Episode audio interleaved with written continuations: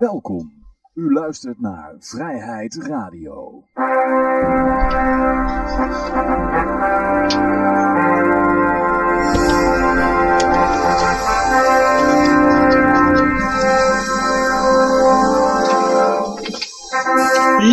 Dames en heren, jongens en meisjes, dit is weer een nieuwe aflevering van Vrijheid Radio. Leuk dat u luistert. We zitten hier gezellig in uh, Café Libertaria met op dit moment uh, Joshi en Peter. En mijn naam is Johan. En ja, laten we beginnen met goud, zilver, de bitcoins en de staatsschuldmeter. Want er is weer heel wat gebeurd. Terwijl ik even mijn flesje wijn openmaak. maar ik kan geen twee dingen tegelijk, dus we gaan eerst even naar... Even kijken hoor, naar de marijuana-index. Ja, de marijuana-index die is uh, even omhoog gegaan en toen weer naar beneden gegaan. En hij staat op dit moment op uh, 139,40. Dan gaan we even naar uh, de staatsschuldmeter. Die staat op 395, ja, 5, afgerond 5 miljard in het rood. Dus 395,5 miljard goud. Wat heeft die allemaal gedaan, uh, Peter? Goud is 1513, het was eventjes oh. onder 1500 dollar, maar het is weer omhoog aan het gaan. Nou. Maar is het nu de all-time high? Of, uh... um, in euro denk ik nog niet. Uh, maar okay. ja, het zit er tegen all-time high aan in euro. Maar dollars nog zeker niet, want de dollar was het geloof ik 1900 of zo. Oh, oké. Okay. is nog eentje weg. Ja. Kijk jij moeilijk bij het openmaken van die fles wijn. ja, die zit er strak in, die kurk. ja, ja, ja.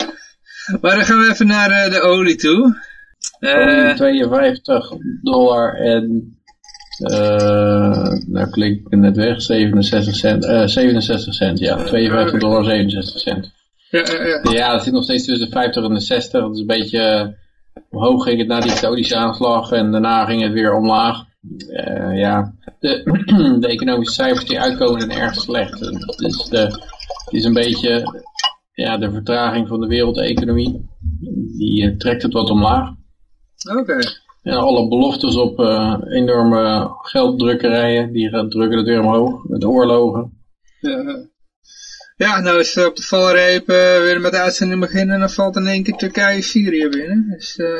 Ze zeiden dat, uh, dat uh, of tenminste er zijn geruchten, dat de stijging van bitcoin vandaag met 400 dollar één op één aan dat evenement te relateren is. Oké, ja, want daar komen we nu even. Hè, allemaal specu de speculaastijd is er weer bijna, dus... Uh, ja, ja. Hè? Ja, ja, het is wel zo dat Erdogan, die heeft geloof ik, hoeveel bankrekeningen heeft hij wel niet buiten werking gesteld?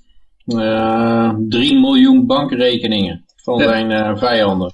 Ja, er zijn natuurlijk allemaal mensen die denken, nou, had ik het maar in bitcoin gezet, was ik niet kwijt geweest. Ja, dan had je wel meer verdiend dan uh, met de lira.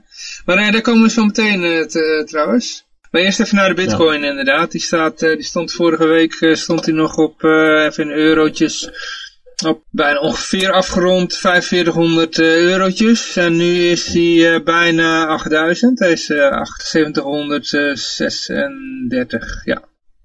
De ether, is een beetje... Zullen we ether nog bespreken? Ja, daar gaan we het zo meteen, daar gaan we het zo meteen over hebben. Of uh, ja, weet je wat, laten we het maar gewoon nu doen, joh. Ja, Tether. Begreep ik het nou goed dat Tether Bitfinex gaat aanklagen? Ik heb er iets over gelezen, maar ik weet niet wat ik gelezen heb. Ja. Ik, uh, ja, ik had het naar jou toegestuurd, maar uh, ik dacht misschien kan je, begrijp jij het een beetje, maar... ik heb er de tijd niet voor gehad, om het goed te begrijpen.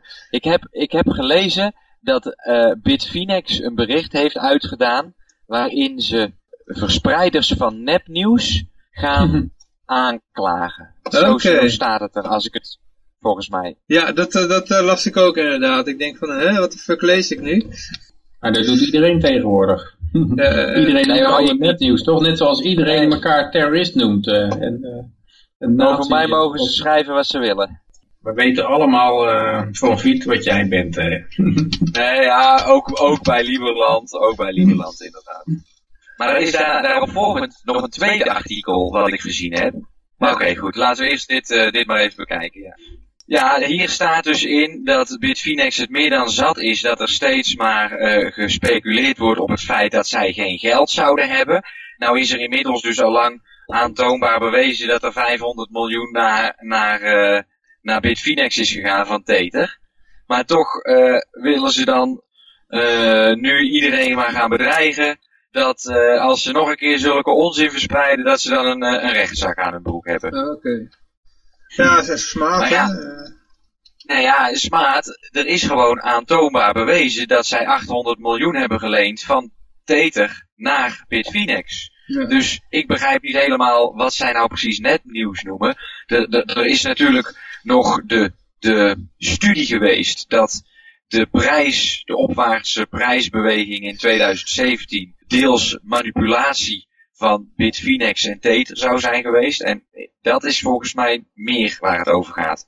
Dat is toch geen doen. Je iedereen uh, met de rechter de kop in proberen te slaan die een gerucht uh, verspreidt. De, zeker ja. bij de, in de bitcoin community. Daar, daar, Ze moeten gewoon hun bankrekeningen openbaar maken. Zo simpel. Ze moeten gewoon, het enige wat ze hoeven te doen is een kopie van hun bankafschrift. That's it. Ja, maar zo simpel is het niet. Want die bank die wil waarschijnlijk niet uh, mee het is natuurlijk heel moeilijk voor bitcoin bedrijven om een bankrekening te houden. En vaak gebeurt het al een beetje hush Als je gaat zeggen, kijk, bij deze bank hebben wij een bankrekening, dan, dan ligt die bank gelijk onder vuur, denk ik.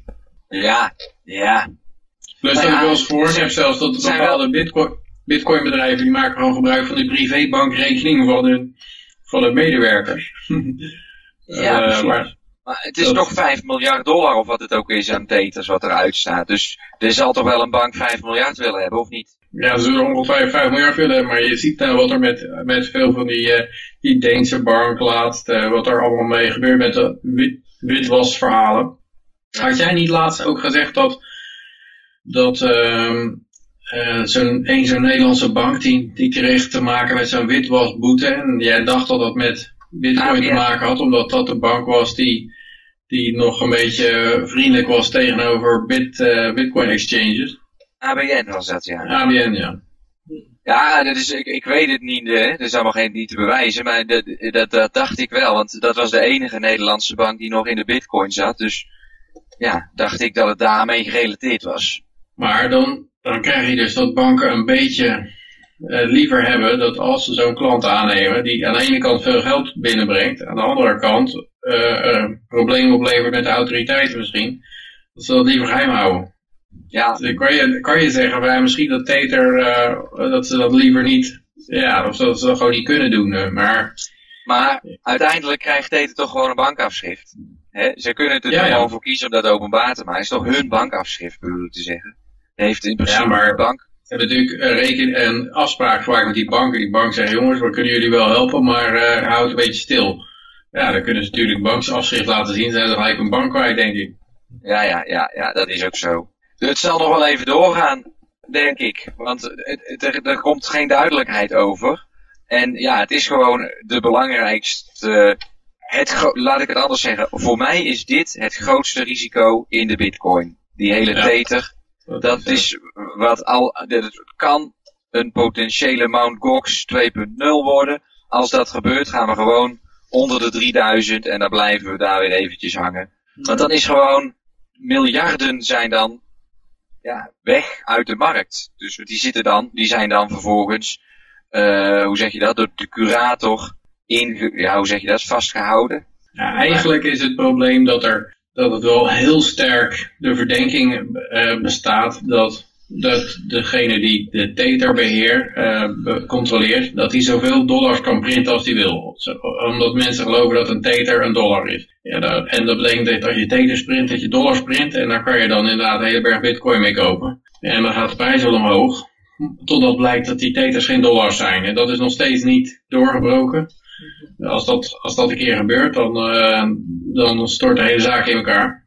Aan de andere kant, ja, het kan, het kan best wel, het kan best wel een lange tijd door blijven gaan. Ook omdat ik verwacht dat heel veel mensen die in die tether zitten, dat die hun geld niet willen liquideren in dollars. Of, of een gedeelte dat, een klein gedeelte dat maar kan. Er zit vast een hoop vluchtgeld in voor mensen die geen bankrekening mogen hebben of die problemen hebben met een bankrekening te krijgen omdat ze in Amerika geboren zijn, maar in, nu in Indonesië wonen en geen bank daar wil hebben of zo, die, die willen stabiliteit en die, die hebben geen bankrekening alternatief, dus dan gaan ze die Tether als bankrekening gebruiken.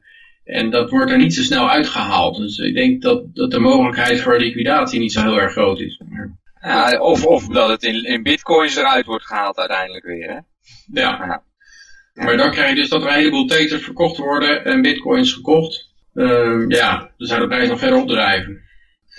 Uh, nog, nog iets anders wat ik wel een beetje gek vind is van toen, uh, je weet nog wel, toen Greg Wright uh, in één keer iemand wilde aanklagen omdat hij niet wilde geloven dat hij Satoshi Nakamoto was. ik weet niet of je dat gevoel van nog kan herinneren. Ja. Het was toen op Twitter, had iemand, ja, die had iets gezegd over Greg Wright en die, die dreigt meteen met een, met een rechtszaak en je weet nog wel hoe toen de crypto community reageerde.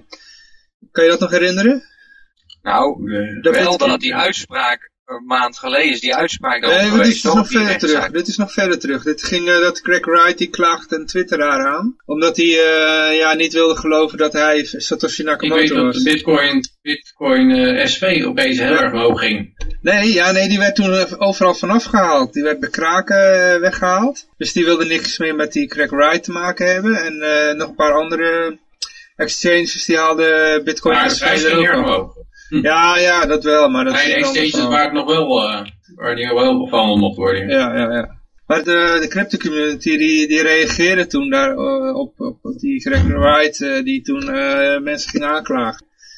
Als, als Tether nu zeg maar mensen gaat aanklagen omdat ze een andere mening hebben over Tether, zal de crypto community dan ook zo reageren? Nou, dat is moeilijker omdat de Tether in iedere beurs geïmplementeerd is. Dus ja. natuurlijk... Maar je, hebt al alternatieven daarvoor, hè? Je hebt al alternatieven. Ja, ja, ja. Maar die staan niet op zoveel beurzen als een Tether. Nee, nee, nee. En die hebben ook niet dezelfde liquiditeit als een Tether. Uh, uh. En ik zal nu heel eventjes op een coin market cap ga ik heel even kijken. Wat uh, een Tether doet op het moment. Even kijken. Het, het, punt wat ik altijd met die Tether heb. Ik zal even kijken wat het nou is. Er zijn dus in totaal zijn er 4 miljard teters. En vandaag is het volume in die teters 22 miljard. Hmm. En dat zijn voor mij altijd van die tekenen dat er gewoon geen fuck van klopt. Excuus voor het taalgebruik. Dat klopt. Oh, je mag niet fuck zeggen hoor. Ja, nou ja, goed, het is geen Nederlands, hè. Zeg je gewoon even snel piep. Piep, zeg Het is geen, piep. neuk. Piep, piep. Het, is, piep. dat het gaat hier om het woord fuck, maar dat ik geen Nederlands spreek. Piep. Maar, je mag hier gewoon Engels spreken, hoor. dus, dus er gaan elke dater wordt in de afgelopen 24 uur vijf keer verhandeld. Nou, dat is gewoon, is gewoon bullshit. Geloof ik gewoon helemaal niks van klaar. Het is gewoon onmogelijk dat dat dag na dag na dag vijf keer zoveel teters worden verhandeld als dat er dollars zijn. Oh, of dat er teters zijn. Ja. Dus ja. Kijk maar uit met die mening, hè. Voor je het weet heb je een rechtszaak aan je broek. nou ja, ik zie die gewoon van, van CoinMarketCap. En uh, wat dat betreft uh, klagen ze me maar aan. Een geweldige erkenning voor Liberland als Yoshi liever voor de rechter komt. ja, Het enige wat je deed was CoinMarketCap voorlezen. Ja. Maar ja, goed, kijk, met, uh, als er dus vijf keer zoveel munten worden verhandeld als dat er zijn, dag na dag na dag, dan worden die munten dus gewoon nutteloos heen en weer gesmeten op een Bitfinex. Want Bitfinex verdient zijn eigen fee terug. Dus dat maakt, het kost hun geen geld. Als, zij, als jij normaal 22 miljard per dag om wil gooien, dan kost jou dat mm een duizendste, laten we voorzichtig zijn, 22 miljoen. Snap je? Dus wie gaat er 22 miljoen per dag verbranden? Niemand. Maar ja, als je uh, toch zelf die beurs hebt en dat is dan jouw eigen winst. Ja, nou ja, uh, draai maar rond jongens. Aan de andere kant, kunnen toch ook gewoon al die robots zijn die de hele tijd uh, heen en weer zitten te handelen? Vijf eten, ja, die zijn dan bereid om 22 miljoen per dag te betalen daarvoor. Voor dat heen en weer handelen. Ja, als de, als de winst groter is. Vind ik erg veel. Ja. Maar uh, ja, we hadden nog een ander berichtje. Uh, misschien is dit een leuke beurs voor je, Yoshi. Uh, de beurs, uh, kijk, John McAfee is uh, launching een decentralized exchange called um, McAfee DEX. Oh, daar wordt op het moment een sensor token verhandeld, dacht ik. Oh, het draait hij al? Of, Ja, Ja, het even Ja, het is in de tegenwoordige tijd. Oké, oh, het, is, het is al een tijdje geleden gelaunched. Het bericht is dan nu eh, op eh, bitcoin.com gekomen. Oké. Oh, maar waarschijnlijk, eh, oké, hij opent het ook voor de tokenhandel.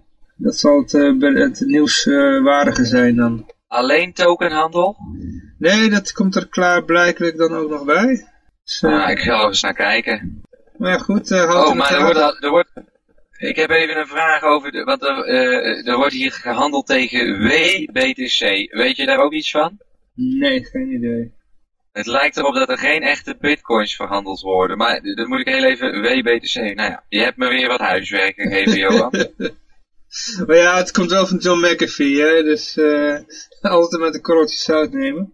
Oh, dit, een, een WBTC, komt die, is ook wel een leuke. Een Ethereum token, een Ethereum token die één op één gebackt is met bitcoin. Nee, dat is een mooie. ja. Oh, oh, oh, oh, oh. Nou ja, goed, als ze het zelf maar geloven, jongens. Hè? Het is een, eh, een, een, een, tokenhandel zonder enige restricties, zo, dat is allemaal wel leuk, ja. Nou ja, goed. Het is gewoon één grote pump-and-dump plaats. Er wordt, dus, er, wordt dus, er wordt dus alleen verhandeld tegen Ethereum, eh DAI, dat is ook een soort Tether, om het maar zo te zeggen. Tether zelf staat erop. En dan dus de, hoe heet het, Wrapped Bitcoin, WBTC. Een token, ik had er nog nooit van gehoord, één op één gebackt met bitcoins. Oké. Waarom niet, jongens? Misschien moet ik ook maar eens een keer gewoon een token, een, to- een EFL token op, eh, op Ethereum platform lanceren. Nou, of je moet een andere coin maken en die dekken met EFL tokens. Ja, dat bedoel ik. Dat bedoel ik. Oh, oh, een andere coin en dan met de token dekken. Ja, Ik denk dat ik gewoon... dat een geeft, eh, het geeft het idee van een enorme stabiele munt. Als je zegt, het is, is het goud gedekt of is het EFL gedekt? Eh, het is EFL gedekt. Oké, Ik, ik, ik ga een Tin Air eh, token doen. Die is, eh, die is backed by the same Tin Air as the US dollar. Welke, welke air token? Dat is thin, de Thin Air. De gebakken lucht token. Die door, de, Oh, de thin air. ja, die door dezelfde gebakken lucht gedekt is als de dollar. Nou, er is namelijk ook eh, een, eh, een, eh, een initiatief van Nederlanders en dat heet RX token. Dus Mhm. we hebben we even reclame gemaakt voor ze. Het is van de, de gozer van Bitcoin Meester. Oké. Gis.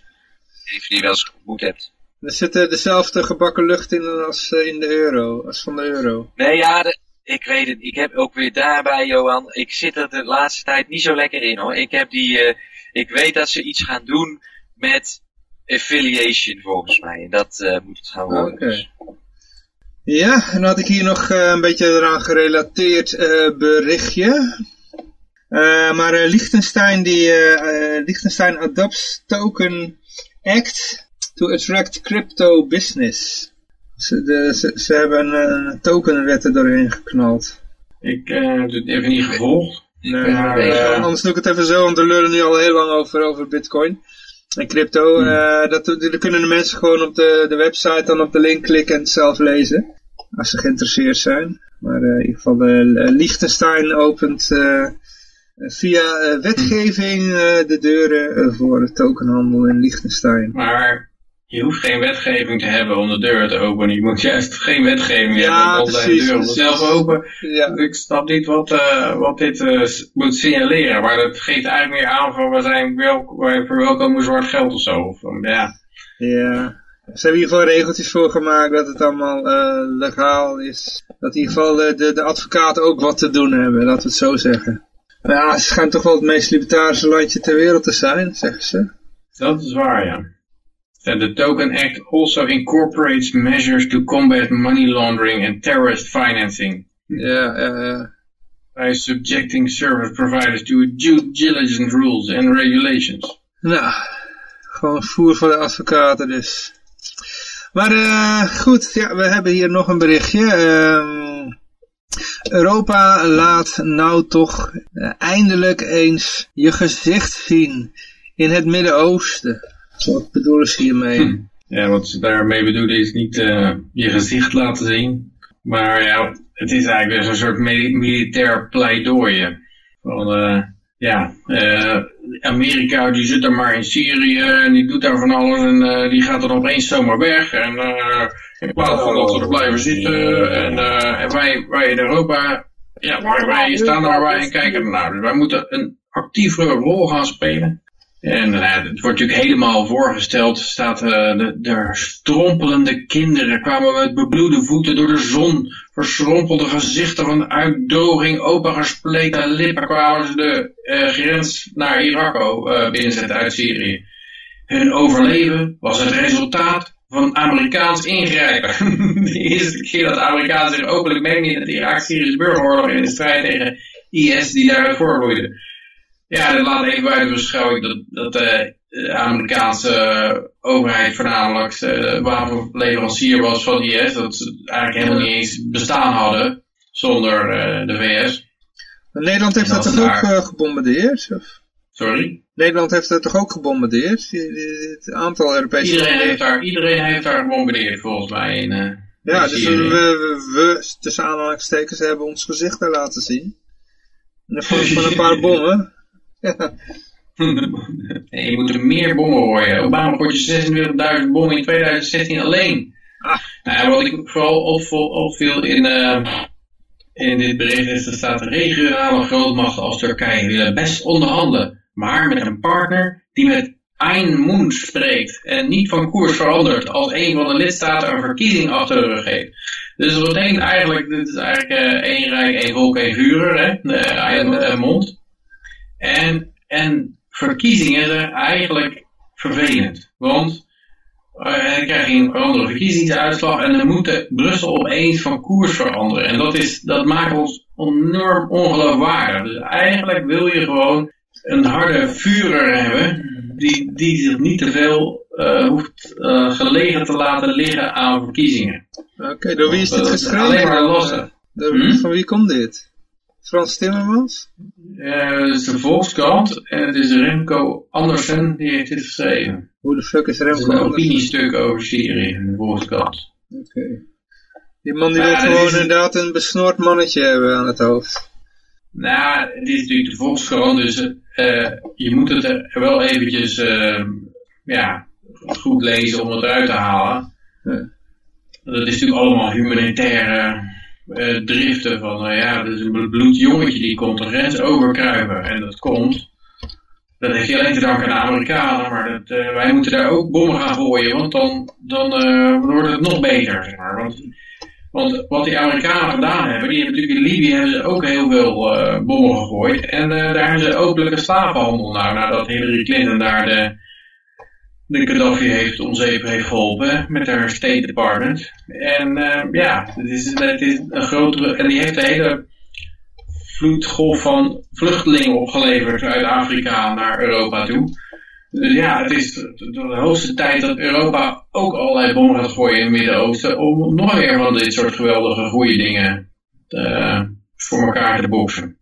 En dat zeggen, ja, dat kost wel geld, maar een vluchtelingenstroom is veel duurder. Dus we moeten een betrouwbaar militaire partner voor de Amerikanen worden, zodat we kunnen onderhandelen. Is Washington bereid een deel zijn troepen te handhaven als Europese landen eigen militairen sturen? Hij zegt eigenlijk, ja, die Amerikanen trekken zich toch terug omdat wij in Europa ons deel niet doen. Wij moeten ook in Syrië uh, gaan schieten en moorden en dan... Uh, dan wordt het, wordt niet alleen een veel betere wereld, maar dan, dan, dan blijven die Amerikanen daar ook. En gezellig kunnen we dan nation building doen. En dat is, ja, het is uit de geschiedenis gebleken dat, dat heel goed werkt. Maar het is natuurlijk zo dat Syrië, dat, is, dat blijft een conflictplaats, omdat daar, ja, het blijft een, een gaspijpleiding knooppunt. Uh, cruciaal om Europa van gas te voorzien vanuit uh, Qatar. En dan, ja, moet je met een pijplijn door Syrië heen. En Russisch gas moet door de Oekraïne heen. Dus de Oekraïne is ook zo'n hotbed wat een probleem blijft meerdere honden vechten omheen. Laat ik het zo zeggen. Nou, het is altijd duidelijk natuurlijk dat die drive naar een Europees leger er is. Want, want ze zitten met een probleem dat ze wel allerlei wetten kunnen verzinnen in Brussel, maar uh, over begrotingsdiscipline en dat soort uh, toestanden, maar dat niemand zich in Zuid-Europa bijvoorbeeld zich daaraan houdt. En als je wilt dat die wetten opgelegd worden, dan heb je heb je een, een, ja, een fiscale unie en een militaire unie en een politieunie. je moet er een grote politiestaat van maken. Daar heb je een leger nodig, zodat je echt mensen kan doodschieten als het op neerkomt. En dat maakt mensen gehoorzaam. En ja, daar is het drive naartoe. Maar dat voorkomt natuurlijk niet als je gaat zeggen, ja, we moeten Griekenland eh, onder de knie krijgen als ze niet terugbetalen. Dus we hebben een leger nodig. Nee, wat je gaat zeggen is, ja, in Syrië komt er een bloedjongetje over een grens kruipen. En uh, door gekke religieuze fanaten van ISIS. En de uh, Amerikanen die, uh, die laten het erbij zitten. Dus wij moeten een, leger hebben. En dat is altijd hetzelfde geweest het Romeinse Rijk, Caesar, die ging ook al met zijn leger naar Gallië toe om daar als Asterix en Obelix zeg maar, lastig te vallen. Uh, het eerste doel van militairen is altijd interventie in het buitenland. En dan denkt de burger van het binnenland, die denkt van, oh nou ja, het is, uh, zolang ze het in het buitenland doen, zal het mij aan Maar wat er uiteindelijk gebeurt, is wat Caesar ook, dan he crossed the Rubicon, hè. En dan, dan brengt hij het militaire verhaal ook binnen de landsgrenzen. En dat is denk ik wat er met Europa ook gebeurt. Ja, het begint allemaal in ergens in de zand, uh, zandbak in Syrië mensen vermoorden, maar uiteindelijk komt het naar Europa toe. Ja, ik kreeg trouwens nog wel net, uh, Peter, toen je, terwijl jij begon zeg maar, met dit uh, artikel, uh, kwam er een donatie binnen, maar ik zie nou dat die van Yoshi was. Maar ik kon ja, net... dat zal ook weer zien. ik kon alleen niet horen wat je zei, het, het ging door elkaar heen. Nee, nou ja, ik weet niet of je meekijkt. Ik had een, ik had een Tinder match, Johan. Dus ik had even, ik had even geschreven dat de, de hond van Lara zo lief is. Oké. Ja, je moet wat verzinnen elke keer, hè? Ja, ja, dus uh, Lara, Lara, als je luistert, we denken aan je. Oké, oké. Goed, ja. Uh, hier een bericht en dan zie ik Poetin met een uh, pistool.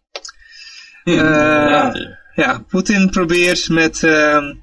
oh, ik zal even de foto even aan de, aan de luisteraars laten zien kunnen ze het ook zien. Even kijken hoor, dat doen we zo. Hartstikke idee. Ja, daar heb je hem. Alweer de Volkskrant, uh, Peter. Ja, ik denk, laat ik eens wat anders... Ja, als je het uit de Telegraaf haalt, dan uh, krijg je altijd die cookie wall.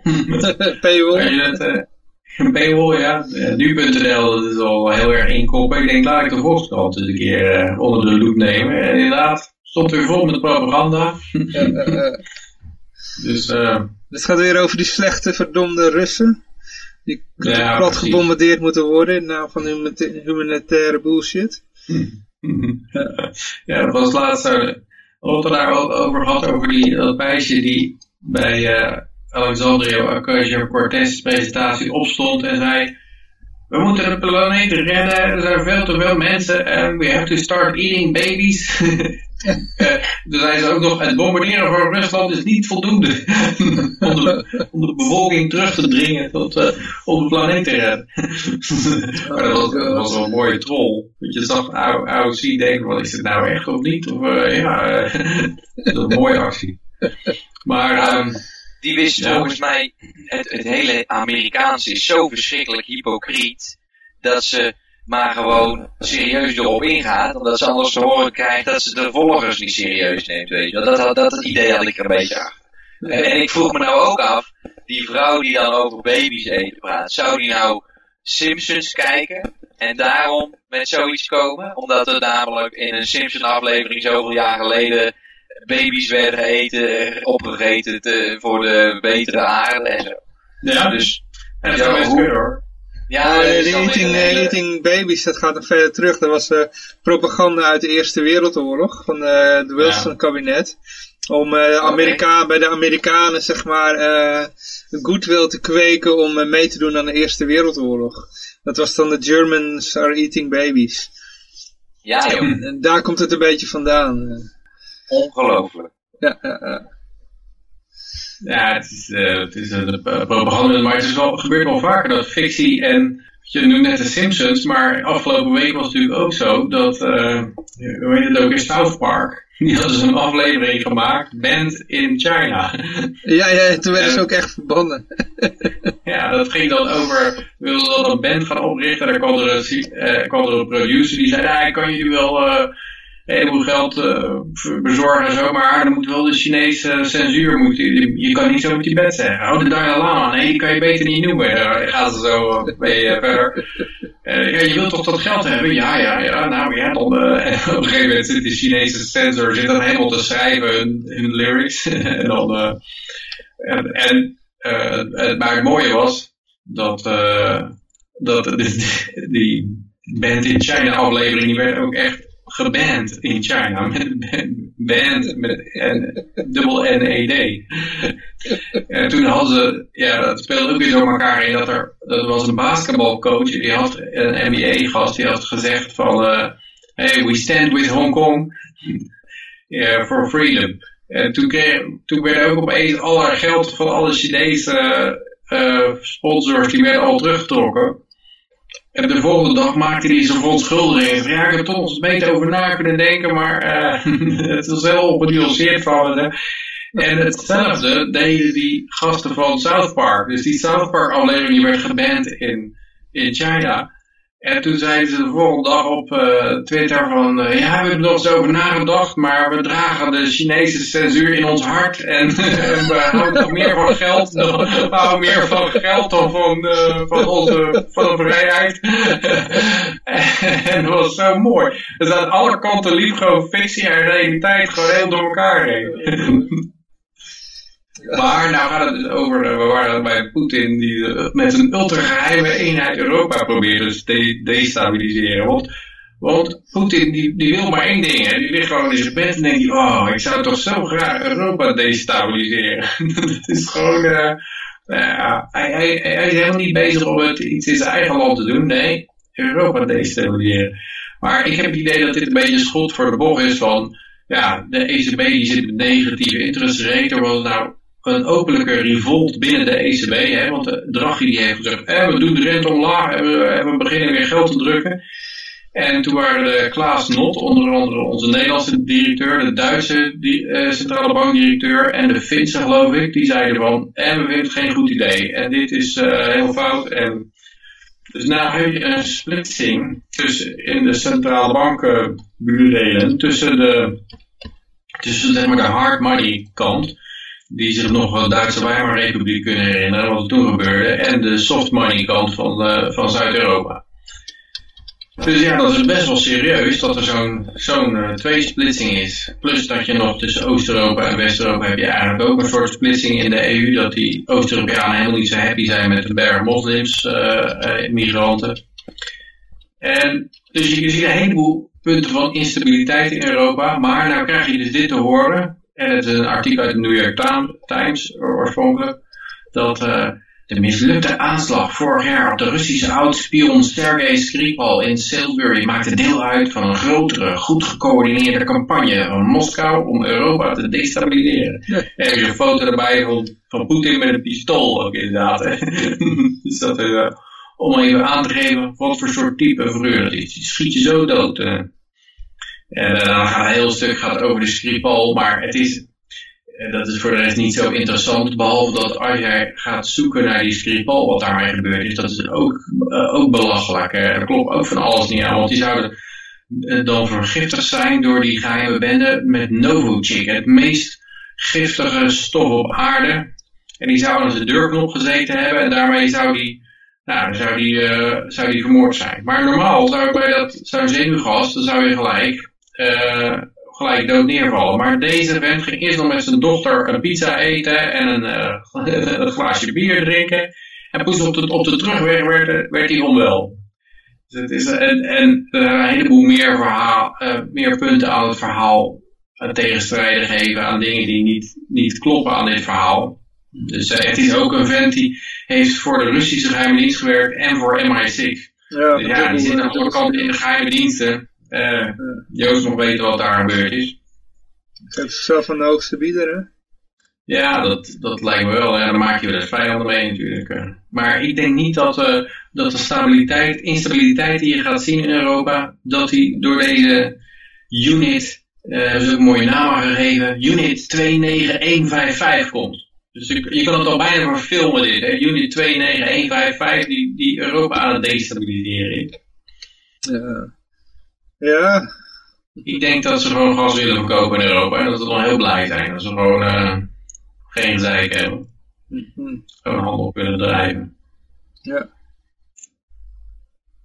Maar ik denk wel dat veel, uh, zeg maar, de westerse machten die nog echt een imperium hebben, of die nog echt in de, um, zeg maar, in het Midden-Oosten zitten te knoeien, dat toch... Oh, er komt wat binnen. Ja, Stop eens met doel Russisch. Wel degelijk om destabilisering gaat. Oh, er kwam een melding binnen. Stop eens met die Russische propaganda van jullie. ik, ik weet waar Yoshi. Nee, van, van, uh, van Timmer Frans. Nee, het was Spice. Oh, jij, jij hebt ook Spice, hè, tegenwoordig. Uh, ja, Spice genoeg. Hoeveel staat hier inmiddels op die, uh, hoeveel staat de Spice? Oh, uh, 250 satoshis of zo. Hij had inderdaad een piekje een tijdje terug. Maar, maar goed, uh, ja, dat Peter... Was net, dat, was zeker, dat was zeker net toen ik ze van jou kocht. Nee, nee, ik was aan het dumpen. Maar uh, uh, Peter, waar was je? Sorry. Nou, ik denk dat... dat uh, dat ja, sommige van die, van die grootmachten die zijn wel bezig om om uh, te destabiliseren in zoiets als wat er in Syrië gebeurt, dat je daar Al-Qaeda-terroristen gaat doen en dat je, wat er in Libië gebeurt helemaal duidelijk. Of in, in Afghanistan, dat je een heel klein clubje enorm veel wapens geven en air support en dat je alles voor ze wegbombardeert en ze zo laat optrekken naar de, naar de hoofdstad en de, macht geeft. Ja, dat is wel een vorm van destabilisering, uh, maar ik denk dat van die imploderende empires, die zijn niet bezig met, met uh, anderen te destabiliseren. Die zijn bezig om de eigen gelederen een beetje bij elkaar te houden. Op zich hebben ze er wel wat aan hoor, om de, de boel een beetje om hun heen, om, om hun heen uh, instabiel te houden, want dan hebben ze er geen last van, zeg maar. Hè? Dus al die, uh, al die vo volkeren om hen heen uh, met elkaar overhoop liggen, dan zijn ze geen bedreiging, snap je? Ja, ik, ik, zie, bij Rusland zie ik het niet zo, uh, niet zo gebeuren. Ik denk dat China dat eerder in. Want China heeft nog een beetje, ja, die, daar zit een beetje swing in, een beetje upswing. Die zitten, de economie is groeiende, die, uh, die zitten allemaal in Afrika te rotzooien. Die proberen Taiwan en Hongkong erbij te halen. Daar kan ik nog wel iets bij voorstellen. Uh -huh. Maar Rusland, de levensverwachting gaat nog steeds omlaag. En uh, ja, het is een voormalige grootmacht. Die proberen nog steeds wat te doen in, de, in Syrië. En uh, ja, in Oekraïne proberen ze wat invloed overeind te houden. Ja, ik zie er niet veel, veel van, van komen. Hoewel, je, kan wel zeggen, dat vind ik ook zo, als je kijkt naar de economie van Rusland. Ik had er laatst een, ik weet niet of ik dat nog, dat heb ik ergens opgeslagen, of ik dat nog kan vinden, maar daar verbaas ik me wel over, over de economie van Rusland. Mm -hmm. Zal ik eens even wat feiten aan de vrijheidsradio-luisteraar... Uh, Kom maar wiens, wiens, wiens feiten zijn dat? ja, misschien wel propaganda. nee, maar gewoon even wat, wat voor cijfers van welk jaar bijvoorbeeld, of dat soort dingen. Ja, je zoekt ze nou op. Momentje. Oké, oké, oké. En waar... Oké. Okay. Uh, but he said that actually all the data was there in plain view. I myself took the trouble to compile a report on the real conditions of Russia's economy, fresh and the onset on the trade, uh, of the trade 2014 crisis. In the report, I set out to show that Russia indeed had modernized and diversified its economy, that it had a vibrant manufacturing industry in addition to its energy and mineral sector, and that its budget revenues and uh, budget revenues. Uh, nou, even de harde cijfers, misschien wel handiger. Uh, more other things, he pointed out that Russia's industrial production had then grown by more than 50% tussen 2000 en 2013. 50% groei voor de industrie dus. In okay. drie jaar. So. While having undergone a total modernization and at the same time, in the same period, production of food uh, had surged by 100% and exports skyrocketed by 400% outdoing all major Western countries. Even the growth of export of other than oil and gas products had been 250%. Russia has a 30%, uh, 13% flat tax. Hè? Uh, dat is ook zo. Hier zijn, en zie je uh, de grafieken staan. En ze hebben dus ook heel weinig schuld. Hè? Dus als je kijkt naar, uh, staat, heb ik dat hier ook nog bij? Ja, ze hebben, bijna, ze hebben geen, geen buitenlandse schuld. En ik geloof dat de, de schuld als percentage van bruto nationaal product is iets van 20%. Dus op zich, ja, er wordt wel veel afgegeven op Rusland. Maar zou me niet verbazen als het er nog uh, ja, uh, economisch best wel redelijk loopt. Nou, en dan komt erbij dat ze dus koper zijn van goud. Sinds dat ik in dit verhaal meedraai, om het maar zo te zeggen. Ik ben nou uh, van de week, vorige week 33 geworden. Dus laten we zeggen dat ik acht jaar of zo die verhaaltjes volg. En, ieder, en het begon voor mij met goud en zilver. Want ik wilde weten wat een euro was. En zo kwam ik dus in de history of money en je weet wel, money is dead en al dat soort documentaires.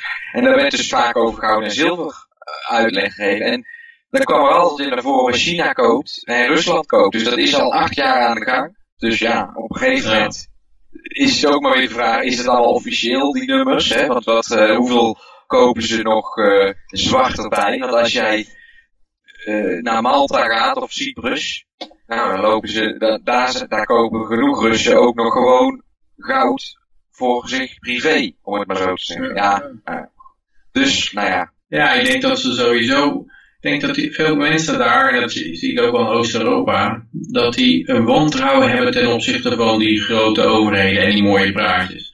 Omdat die hebben nog uh, Sovjet-Unie achter de rug.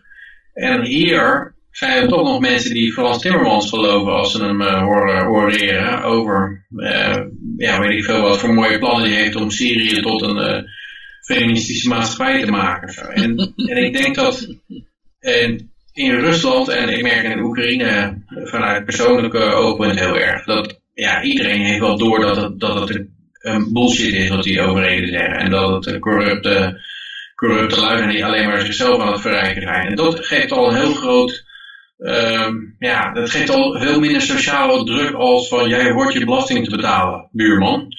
Want uh, we profiteren er allemaal van. Dat, dat zou je in dat soort landen niet zo snel horen. En ik denk dat het heel goed voor de economie is. Ja. Ja. Maar... Ik ben het met je eens, dat, die, dat herken ik dus ook, om het maar even zo nog uh, om dat te bevestigen. Ik woon nou in een beetje Oostblokland. Ik zal niet zeggen dat het hier Rusland is, maar van alle Europese landen zit het er toch uh, het dichtst tegenaan misschien. Mm. In ieder geval, oh. ja, het is echt uh, veel meer leven en later leven hè, en veel minder sociale controle. Mm. Ja, er zijn af en toe verbazingwekkende dingen. Ik, ik of Kroatië uh, ook bij kan rekenen, maar er, ik las laatst dat de Elon Musk van Kroatië, dat is dan een gast die bouwt een of andere sportwagen. Die kost geloof ik 2 miljoen. Er zit, er zit 2000 elektrische auto's, er zit 2000 paardenkracht in. Ding trekt geloof ik in 2,5 seconden naar 100 km per uur. Dat is een hele klus om zo'n toppunt van technologie te maken. En dat wordt komt wel uit Kroatië. Uh, ja, dat is toch maar weer mogelijk. Ik denk niet dat er in Nederland veel mensen, ondernemers zijn die zeggen van nou, laat ik, ik eens zo'n project van opzetten. Want je weet dat je gewoon kapot gereguleerd wordt. Je bent halverwege je project en dan komt opeens een stikstofcrisis. En je kan niet meer uitbreiden of zo. Dat is gewoon allemaal mogelijk binnen Nederland. Je krijgt geen vergunningje, eh, of, of de arbeidswet wordt aangepast, je wil geen mensen meer aannemen of die meer ontslaan, of uh, je moet je salaris verdubbelen of halveren, of ja, CEO's moeten hun uh, vergadering afblazen vanwege een, uh, een, hoe heet een klimaatprotest uh, midden in Amsterdam ja. op een drukke verkeersbaan. Er moeten meer vrouwen in de boord komen opeens. Of, nee, dat, dat, je, er, er is een hele kring van aasgieren die om je heen cirkelt als je hier gaat ondernemen in Nederland. Terwijl, ja, kijk, in, in Kroatië zet gewoon zo'n Elon Musk van Kroatië, die zet gewoon zo'n autofabriek stapt uit de grond. Ja, ze leveren maar een paar auto's af, maar die zijn wel 2 miljoen per stuk. En dat is wel het neusje van de zalm. Eh, dus er is wereldwijd is er toch een markt voor. En dat is wel even een, uh, ja, een, een, puntje dat zij, dat zij kennelijk het talent bij elkaar kunnen krijgen, het kapitaal bij elkaar kunnen krijgen, om zoiets op te zetten. En uh, Joshi, waar kwam Nikolai Tesla ook alweer vandaan? Ja, ja moet je moet je ze hier vragen. Nou, het is zo. Vandaag de dag zou die uit Kroatië komen, geloof ik, hè? En Montenegro kwam die toch niet. het, lag vroeger in groot, het lag vroeger in Groot-Servië. de Serven zeggen, ja? de Serven zeggen, hij, zijn geloof zijn geloof was dat. En dus is hij Servisch. Eh, maar zo te zeggen. En ja, het is ook wel zo dat zijn, nou ja, eh, ik heb hem zelf niet gekend, hè, Joël. Dus, eh, nee, toen maar- eh, waren je grootouders nog niet eens geboren.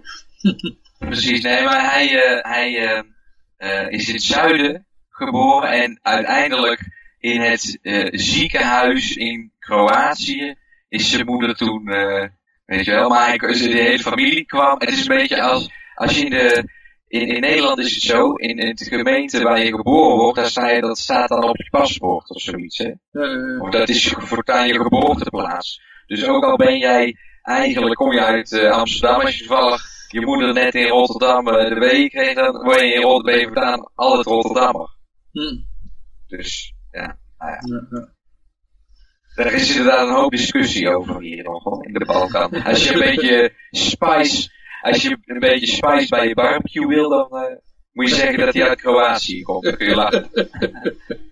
Dat is een beetje hetzelfde zeggen als eh, Zwarte Piet is racisme op het familiediner, weet je wel. Nou, dan, Maar dat is los. Ik, ik, heb hem tot, tot, tot vandaag, ik, ik had het op mijn werk nog over. Ik zeg, waar is de Zwarte Pieten discussie?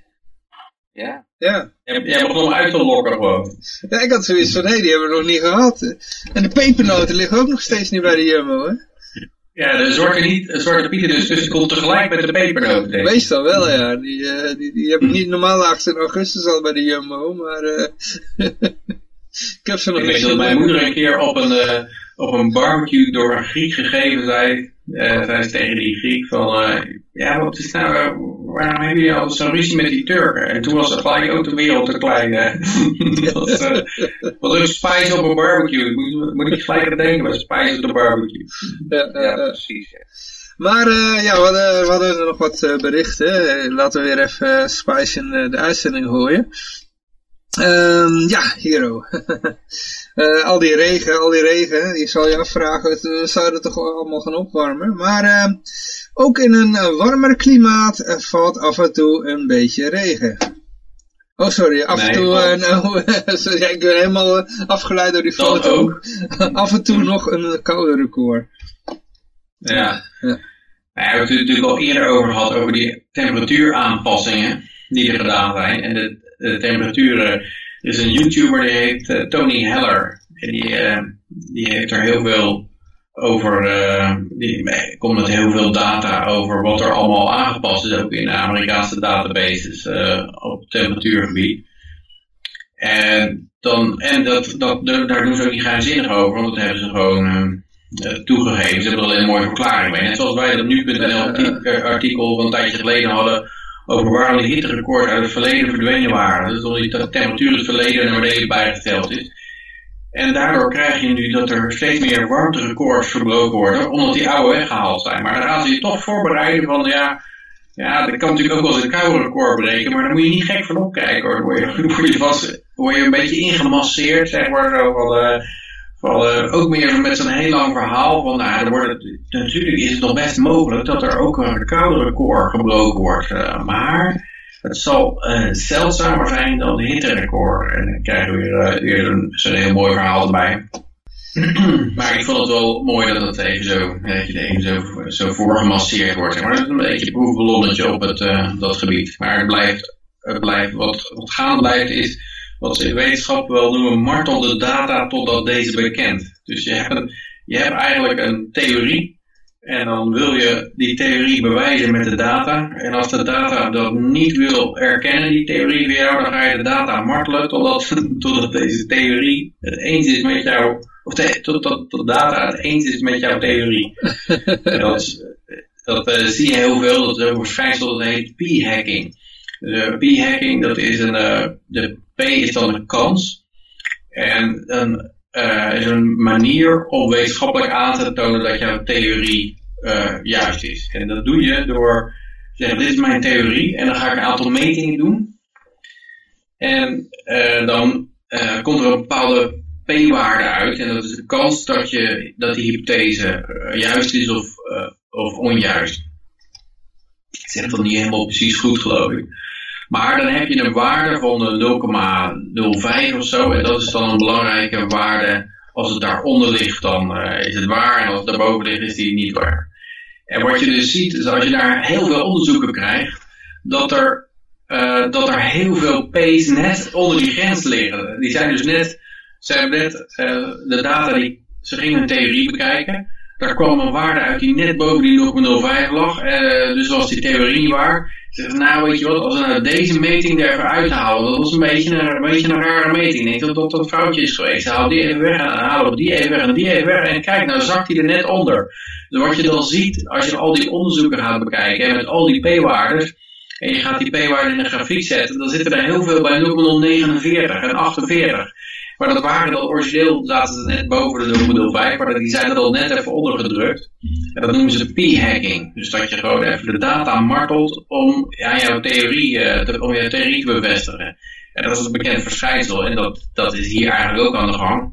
Je hebt een theorie dat het uh, allemaal waar wordt en jij gaat de data martelen totdat deze data jouw theorie bevestigt. Maar er kan dus nog steeds een keer af en toe een, een koude recordje breken. Dan moet je niet gelijk zeggen, hé, hey, uh, het wordt helemaal niet uh, warmer, want uh, het koude recordje gebroken. Nee, dat is, dat is maar heel zeldzaam.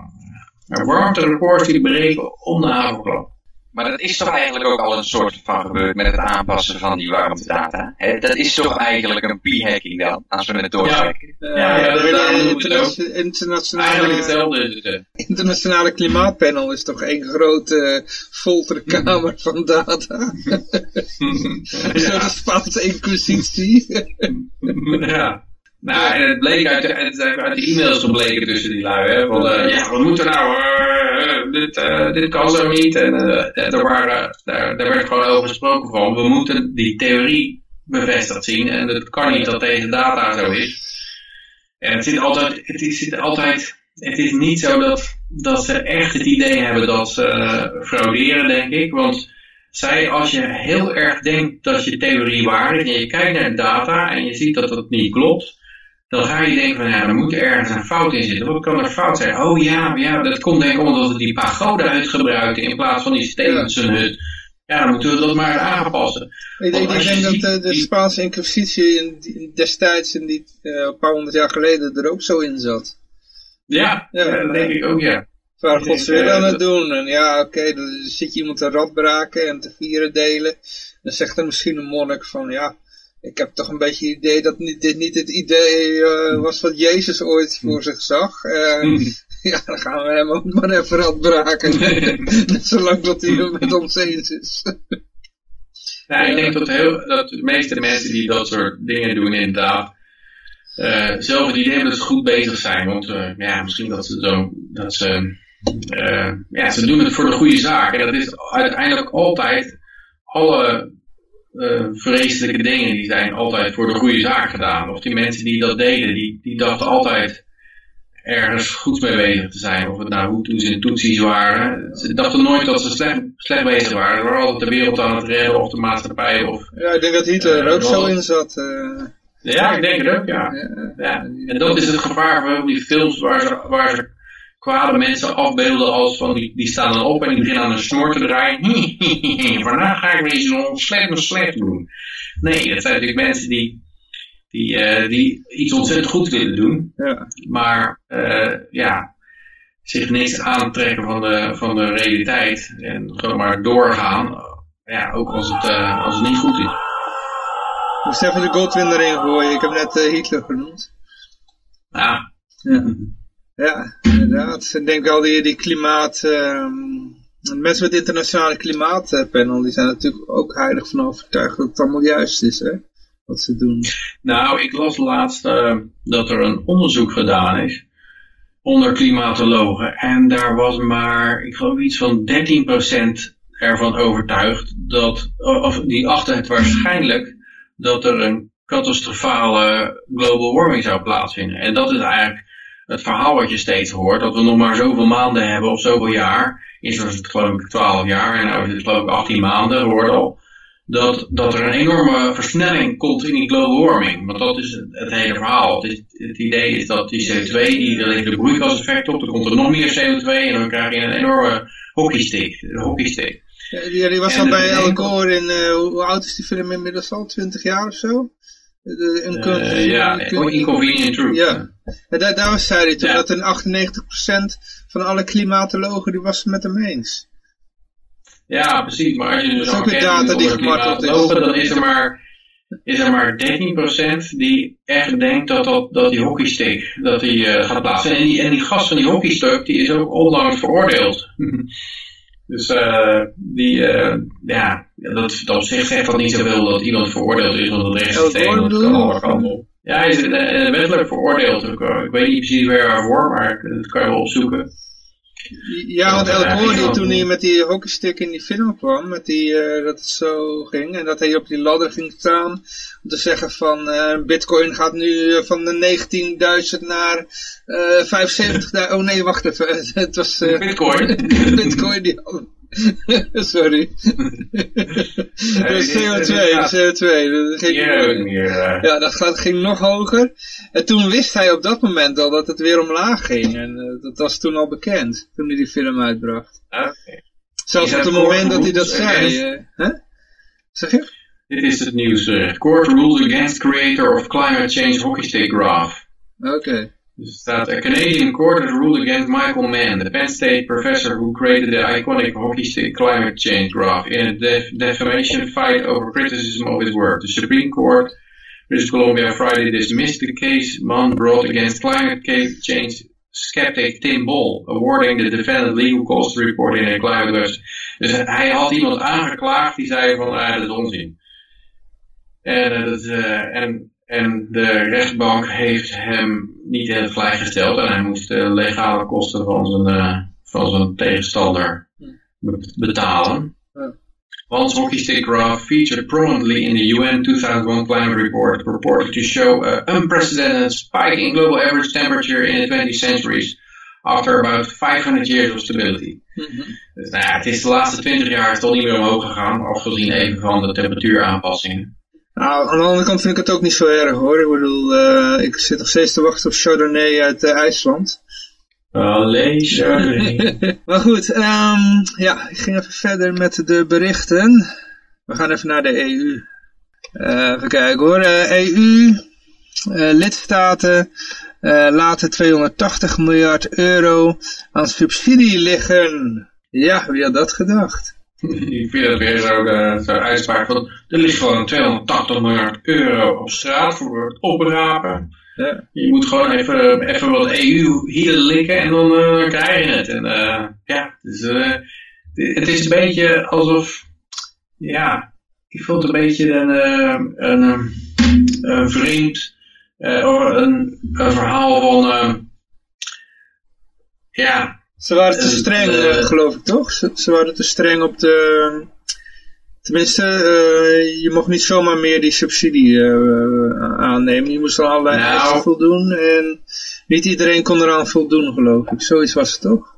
Ja, want het probleem is dus dat veel Oost-Europese landen laten vooral dit geld liggen. Oh, ze weten zij... dat, er, dat er allemaal consequenties aan kleven of zo. Nee, je moet een verplichte eigen bijdrage Oh, oké, oké. Okay. En uh, je moet deels uit eigen zak komen of zo. Moet deels uit eigen zak komen en dat geld hebben ze niet. Dus uh, ja, dan kan je natuurlijk mooi uitdelen. Als, als je weet dat die andere toch niet bij kan leggen, dan, dan ligt er eigenlijk geen geld op straat. Uh. Maar het is ook zoiets, het is allemaal sigaren uit eigen doos. Het is allemaal uh, EU-geld, het komt allemaal weer uit je eigen zak. Dus, maar dat, dat wordt weer mooi gepresenteerd. Van, oh, het is dat de burger laat gewoon 600 miljard liggen. Kan die gewoon, uh, kan die gewoon opraden. Moet je alleen even naar die eerste toe gaan. Die, uh... Lidstaten, inderdaad. Ja. Maar dit wordt dan toch gewoon weer in het potje van volgend jaar geknald, weet je wel. Dus dan zeggen ze nou volgend jaar. Het zal teruggestuurd worden, toch, naar de lidstaten? Dus iedereen kreeg zijn ingelegde deel weer terug. Staat dat in het artikel? Nee, maar ik heb het uh, ergens anders ook gelezen. En daar werd okay. gezegd dat uh, dat geld weer uh, retour afzenden. Dan moet je niet denken de belasting betalen, die niet hoor. Maar het ging weer terug naar de, de landen, de EU-lidstaten die, dat, die het opgehoest hadden. Maar ja, die, die sturen het weer vol dat jaar erop weer terug naar de EU, denk ik. Ik denk dat wij dat vorige keer dat ze geld uh, over hadden, kregen we, kregen we er ook niks van terug. Dus, uh... Voor het komende jaar verwacht de Europese Rekenkamer dat het ongebruikte subsidielast zal groeien naar 300 miljard euro. Bijna twee keer de Europese begroting. Dat is een behoorlijk bedrag. Ja, eh, ja. Ik zou ze wel hebben. Stuur, stuur ze maar naar mij. ja. 280. Nou ja, Ja, ik eh, vond Ja, je- je kan het ook aan de ECB geven. Die kopen er dan obligaties van in allerlei eh brakke landen. Hoeveel dagen is dat dan? Tegenwoordig? Ja, 20 miljard per maand doen ze nou. Dus het is, eh Oh, dat is toch wel eventjes dan. Twee, ja, toch wel even, ja. twee jaar. Maar wat is er tegenwoordig in Amerika? Want dat hadden ze verlengd, hè? Die eh, QE. nou, in Amerika... de- Is het nou 100 miljard? ja, op een gegeven moment het 100 miljard per dag, ja. Maar eh, dat, dat is dan maar voor een dag. En dan de volgende dag rolt het weer, weer. Dus dat is, het was geloof ik, ja, per, Ben je zelf, per, per maand ging het naar 175 miljard toe. Maar Powell die, die beweerde bij hoog en laag dat dit geen QE4 was.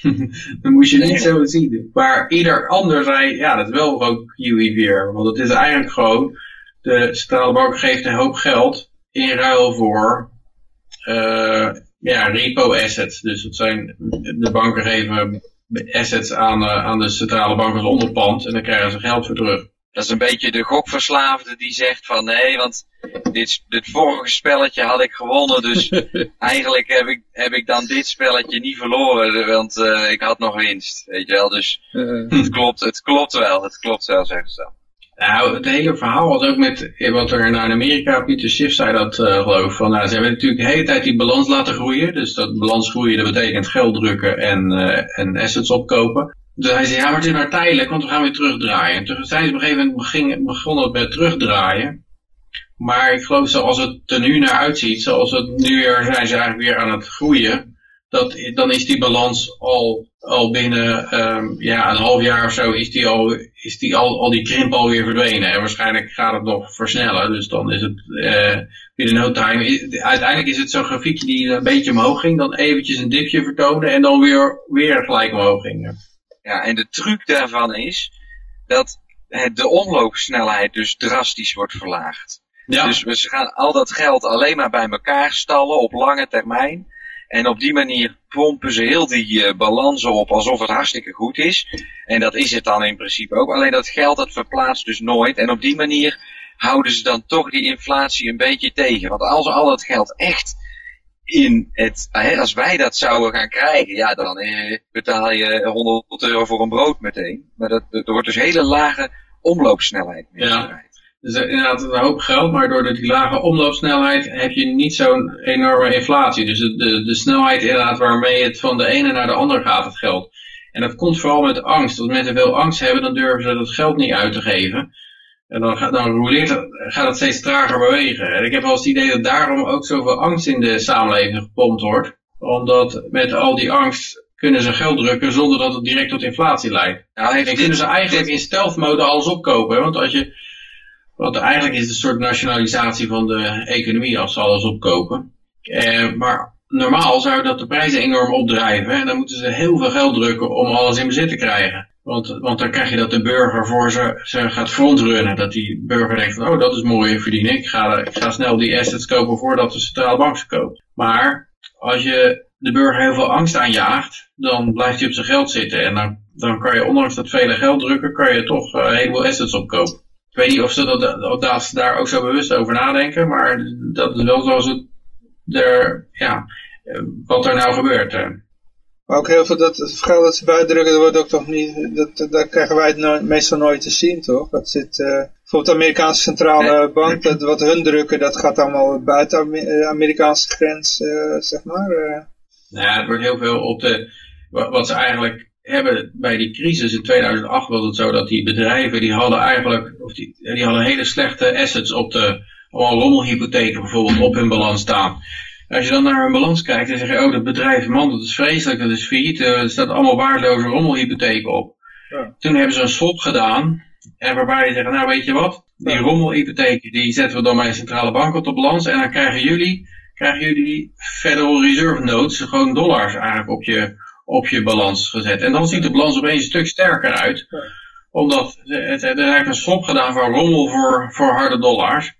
Toen dachten nou, die bedrijven zijn nog zo slecht niet. En toen zat de centrale bank met al die rommel opgekweekt. En die, wat de centrale bank dan meestal doet, is we gaan een hele hoop inflatie creëren, een hele hoop, een hele hoop geld drukken. En dan langzamerhand dumpen we die rommel weer. En dan, en dan nemen we dat geld weer terug en dan is alles weer zoals het was. En dan, dan komt dat geld nooit echt de, de markt in.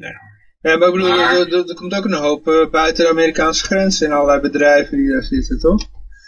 Te begrijpen. Ja, het, het geld dat, je controleert niet meer waar dat geld naartoe gaat. Uh, het, het geld... Ja, het geld van de Amerikaanse ja, bedrijven zit, niet, zit er niet op Amerikaanse bodem. Dus die krijgen wel allemaal geld van de Federal Reserve. Ja. Komt toch nooit uh, Amerika binnen.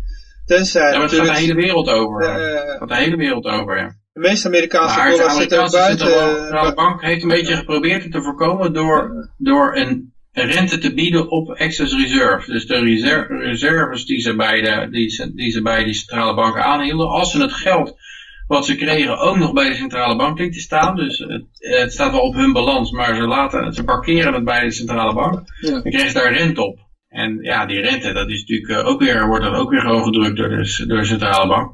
Maar dat houdt het geld natuurlijk een beetje, zeker als er veel angst is, dan houden ze dat graag veilig bij de centrale bank. En dan gaat het niet zo snel de economie in. Maar uiteindelijk gebeurt dat denk ik toch wel. Zag je bij die Vietnamoorlog ook. De Vietnamoorlog werd enorm veel geld gedrukt. En wat er dan gebeurt is dat die dollars die komen uiteindelijk overal tevoorschijn. En dan worden ze gewoon minder waard. En dat, dat, dat is toen niks. En zei van nou we gaan, we gaan van de goudstandaard af. Want anders dan moeten we, als we al die dollars weer tegen goud moeten inruilen, dan uh, wordt het een drama. Ja, maar je hebt nu ook dat veel van de Amerikaanse bedrijven komen weer terug naar Amerikaanse bodem. Omdat de Trump uh, die biedt een tax holiday aan. Maar ze nemen ook al die dollars met zich mee. Die ze daar geparkeerd hebben. En dan moeten ze ja, jaar erop belasting op. Dat een bedrijf als Apple, dat die heel veel, ja. veel uh, geld buiten Amerika laat staan. Okay. omdat als het in Amerika in de Amerikaanse vestiging naar voren brengen, dan moeten ze daar heel veel belasting over betalen dan laten ze het liever in uh, Singapore liggen of zo. Of in, uh, en, en het is het zelfs zo dat ze voor dividend vaak geld lenen. Dus dan uh, lenen ze het geld om dividenden uit te betalen. En dan, al, over het algemeen ziet de balans er goed uit. Want ze hebben dan buitenland heel veel geld staan en Amerika niks. Maar um, ja, het, het, zit wel geografisch scheef verdeeld. En ze hopen waarschijnlijk op een soort tax holiday. Dat, dat de president een keer zegt, nou je mag tegen een voordelig belastingtarief terughalen een jaar om, als er een crisis is. En dan kunnen ze die hele sloot terughalen. Als ze het terug willen halen, de vraag is, wil je het dan in Amerika investeren? Oh, dan mogen zelf weten wanneer die uh, tax holiday is? Of, uh, ik dacht dat het gewoon het eerste jaar was als ze uh, in Amerika kwamen. Nee, er, er, er, is geen garantie voor een tax holiday. Maar er, er, is vaak dat als er een crisis uitbreekt, dan, net zoals als we in Nederland, zeiden bijvoorbeeld van het spaargeld. Je, had, je mocht dan belastingvrij sparen. En en dan was er een crisis en dan zei ze, nou je mag het gewoon opnemen. Je mag het allemaal in één keer opnemen. En dat was dan om de economie te stimuleren. En dat heeft, Trump heeft natuurlijk de belasting ook verlaagd. Maar ja, als, het, als er hele, heel erg de pleuris uitbreekt, dan, dan kan het zijn dat, uh, ja, dat, ze, dat ze zeggen, nou, uh, ja, nog een verdediger tarief. Uh, nee, ik bedoel, ik dacht dat hij, dat hij zijn taxholiday had beloofd als ze terugkwamen naar Amerika. Of, of moet dat nog steeds uh, ingelost worden, die belofte? Nou, ik denk hooguit in individuele gevallen, net zoals de Nederlandse Belastingdienst rulings heeft met bedrijven. De, de, ik, ik, weet het bedrijf waar ik werk, die, die waren naar Singapore gegaan door een overname. Hoofdkantoor zat in Singapore en dan hoeven ze tien jaar lang geen belasting te betalen. En opeens zaten ze weer terug in Californië. Ja, ja dan denk ik ook dat er iets uh, geregeld is, iets besproken is. Ja, ik wil nog toevoegen dat die uh, lage omloopsnelheid tussen van het echte M0 geld, om het maar zo te zeggen, wat uh, dus gecreëerd wordt door zo'n centrale bank, dat voornamelijk met van die Basel 3 akkoord wat er nou is bijvoorbeeld, waarin al die percentages worden vastgesteld wat banken aan eigen vermogen moeten aanhouden bijvoorbeeld. Um, dat is nog net iets anders als het stimuleren van consumenten of allemaal dat soort dingen. Maar goed, dat wilde ik nog even daar wilde ik nog even aan toevoegen. Ja, we gaan nog even naar het volgende berichtje toe. Hero, Richard. Uh, van 57 jaar oud. Uh, gooit, een, gooit zijn sinaasappelschil... Schil? Ja, oké. Okay. een sinaasappelschil. En een azijnfles in Epe. Ja, dit gebeurt allemaal in Epe. In een vuilnisbak. en moet misschien de cel in. Oké, dat is een beetje een rare, rare titel, maar uh, ja, het onder... Kop is dat, ja. Dat is de kop, ja. Maar uh, daaronder, wat gebeurt er allemaal daaronder? Het Richard van Vliet, schrijver uit Tubbergen, was zich van geen kwaad bewust toen hij eind 2016 een sinaasappelschil, een medicijnstrip en een azijnfles dumpte in een openbare afvalbak in Epe. Nu moet hij twee dagen de cel in. Ik hoop gratie te krijgen van de koning, zegt hij. Oké. De reden dat Van Vliet twee dagen moet zitten is omdat hij weigerde de boete van 50 euro te betalen. Die kreeg hij in 2017 opgelegd wegens het overtreden van de afvalstoffenvordering van de gemeente. Even, in de verordening staat dat het verboden is om andere afvalstoffen dan straatafval achter te laten in openbare afvalbakken. De rechter heeft zelf twee derde van de oorspronkelijke boete bijgescholden omdat ze meelijden had met Van Vliet. Maar dat kan Richard niks schelen. Voor hem is het een principe kwestie geworden. Hij weigerde boete te betalen wordt hij beschouwt als het netjes weggooien van zijn afval. dit is typisch Nederland nou. Dat je gewoon in de gevangenis kan belonden omdat je een sinaasappelschil en een azijnfles in de, in de afval gooit. Is dat geen straatafval? Ik bedoel, wat is straatafval dan? Ik denk dat sinaasappelschil moet bij het groen, denk ik. Azijnfles moet bij glas. Oké. Okay. Die stijnstrip bij het restafval, denk ik. En straatafval, wat is dan straatafval? Um, ja, straatafval. Misschien dat ze eerst op de stoep moeten leggen. En, en dan, dan vanaf straat. de stoep uh, zo in die vuilnisbak. Dan, dan mag het wel of zo. Hij heeft inmiddels wel 1000 euro uitgegeven aan advocaat en proceskosten trouwens. Principieel mannetje, kijk. ja. Het gerechtshof heeft besloten de zaak niet verder te behandelen. Dat betekent dat hij binnenkort zijn celstraf uit moet zitten.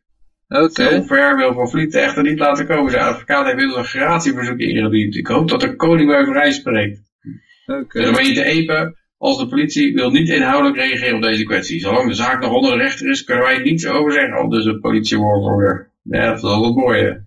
Kan ze er wel wat van zeggen als hij dan eenmaal in de bak zit? Of gratie gekregen? Ja, het staat nog wat saai man. Dat je, dat je, waarvoor zit jij in de bak? Uh, ja, voor het weggooien van de sinaasappelschil uit azijnfles. Zeker als je dus bedenkt dat als je uh, je, je, chemisch afval dumpt, je er waarschijnlijk maar minder... Uh, ja, ja inderdaad. maar hoe zijn ze erachter gekomen dan? Dat hij het had gedaan? Hij was op hete daad betrapt. Oh, oké. Okay. Wat bent u daar aan Waar het doen? Waar zijn we mee bezig, meneer Van Vliet? Ik ben afval aan het weggooien. Dat mag niet in een prullenbak. Ja, maar inderdaad, als hij het nou op de straat had gegooid, dan was het waarschijnlijk, uh, midden, ja. was het waarschijnlijk gewoon voorbij gegaan. Die, die, die citroenschil, of die uh, sinaasappelschil, daar kunnen ze al helemaal niks over zeggen. Ja.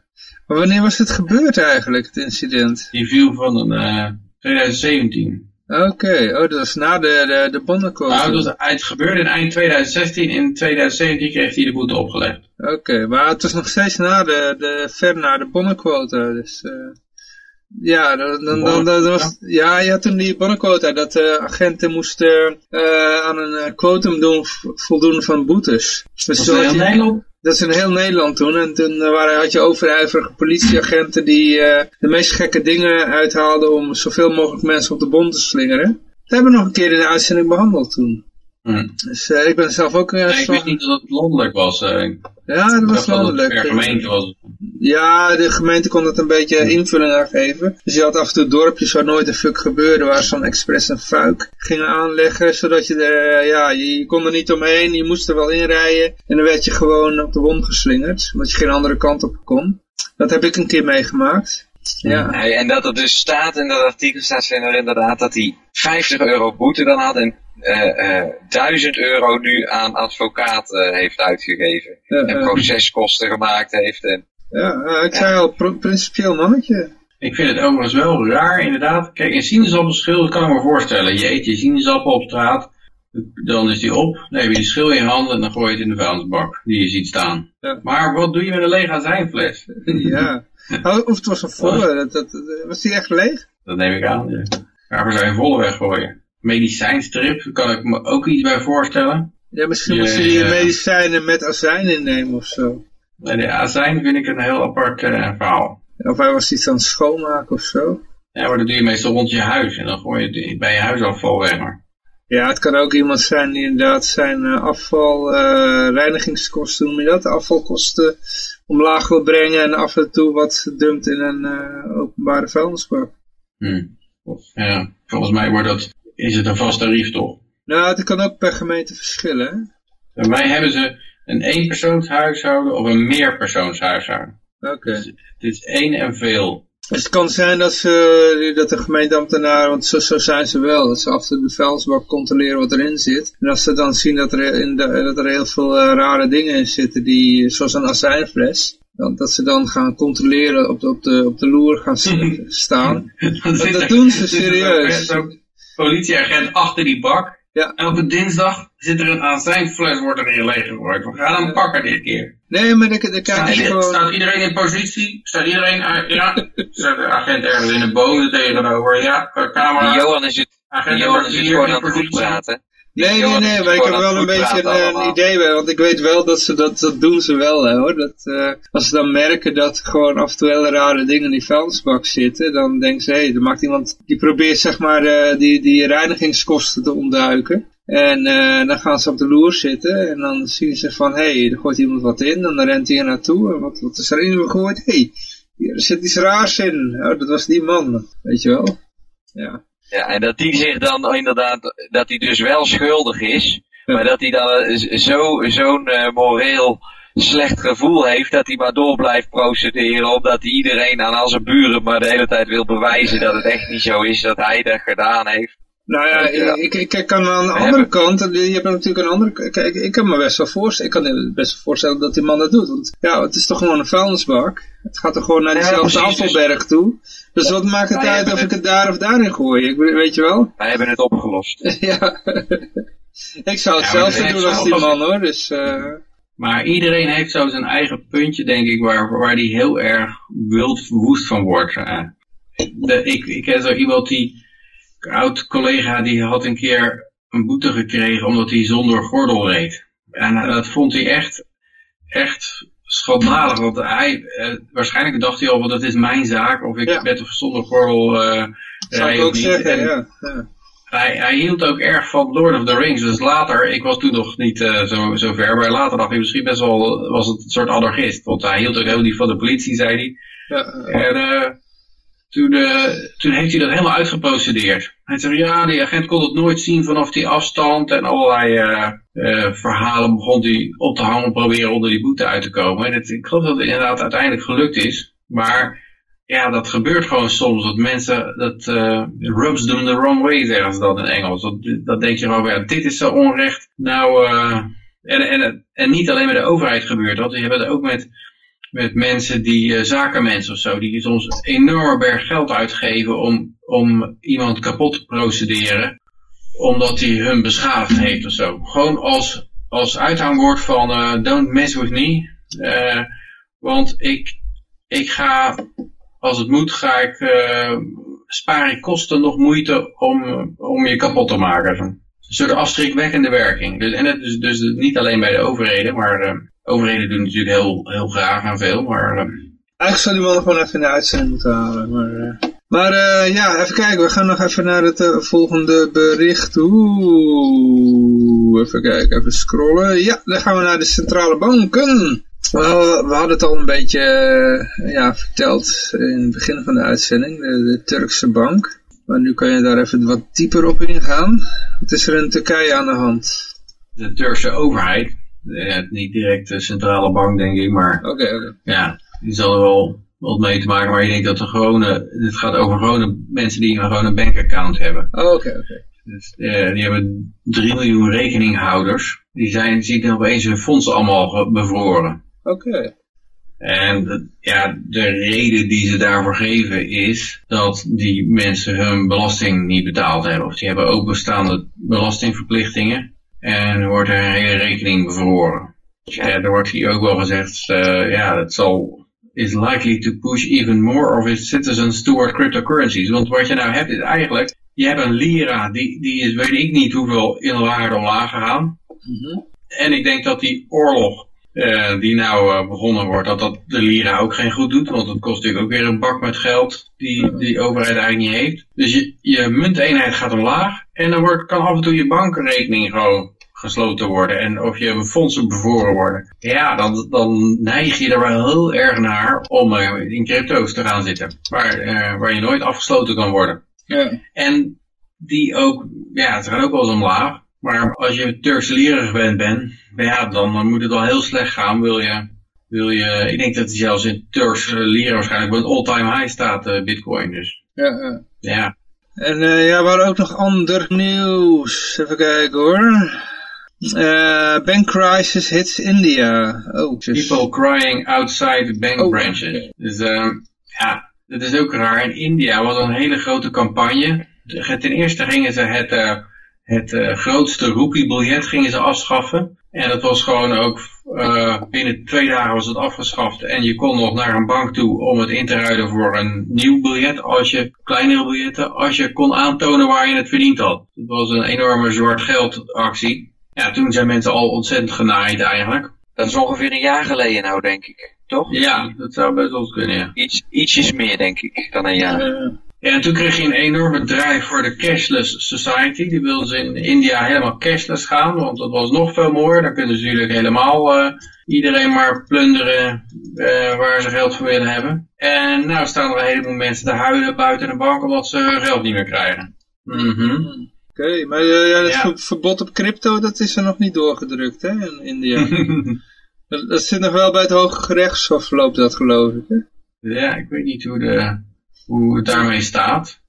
Nou, ik las het van de week inderdaad, dat het eh, doorgeschoven is naar het Hoge Gerechtshof. Maar ook dat weer, kijk, in China hebben ze ook crypto-beurzen verboden. Maar wat je dan ziet is dat er gewoon op straat gehandeld wordt. Je gaat gewoon in een, eh, in een chatgroep ga je aan, eh, aangeven dat je wat te koop hebt. Of je gaat naar een pleintje toe. Of uh, ja, wordt Local, local.bitcoin.com ja, Ik kan wel even kijken hoor, we zitten toch op bitcoin.com, dus dan eh, kan ik even kijken naar eh, local, eh, of, of India daartussen zit. Maar ja, het zal wel, want zelfs eh, Iran en eh, Venezuela en eh, ik geloof alleen Noord-Korea zit er nog niet bij.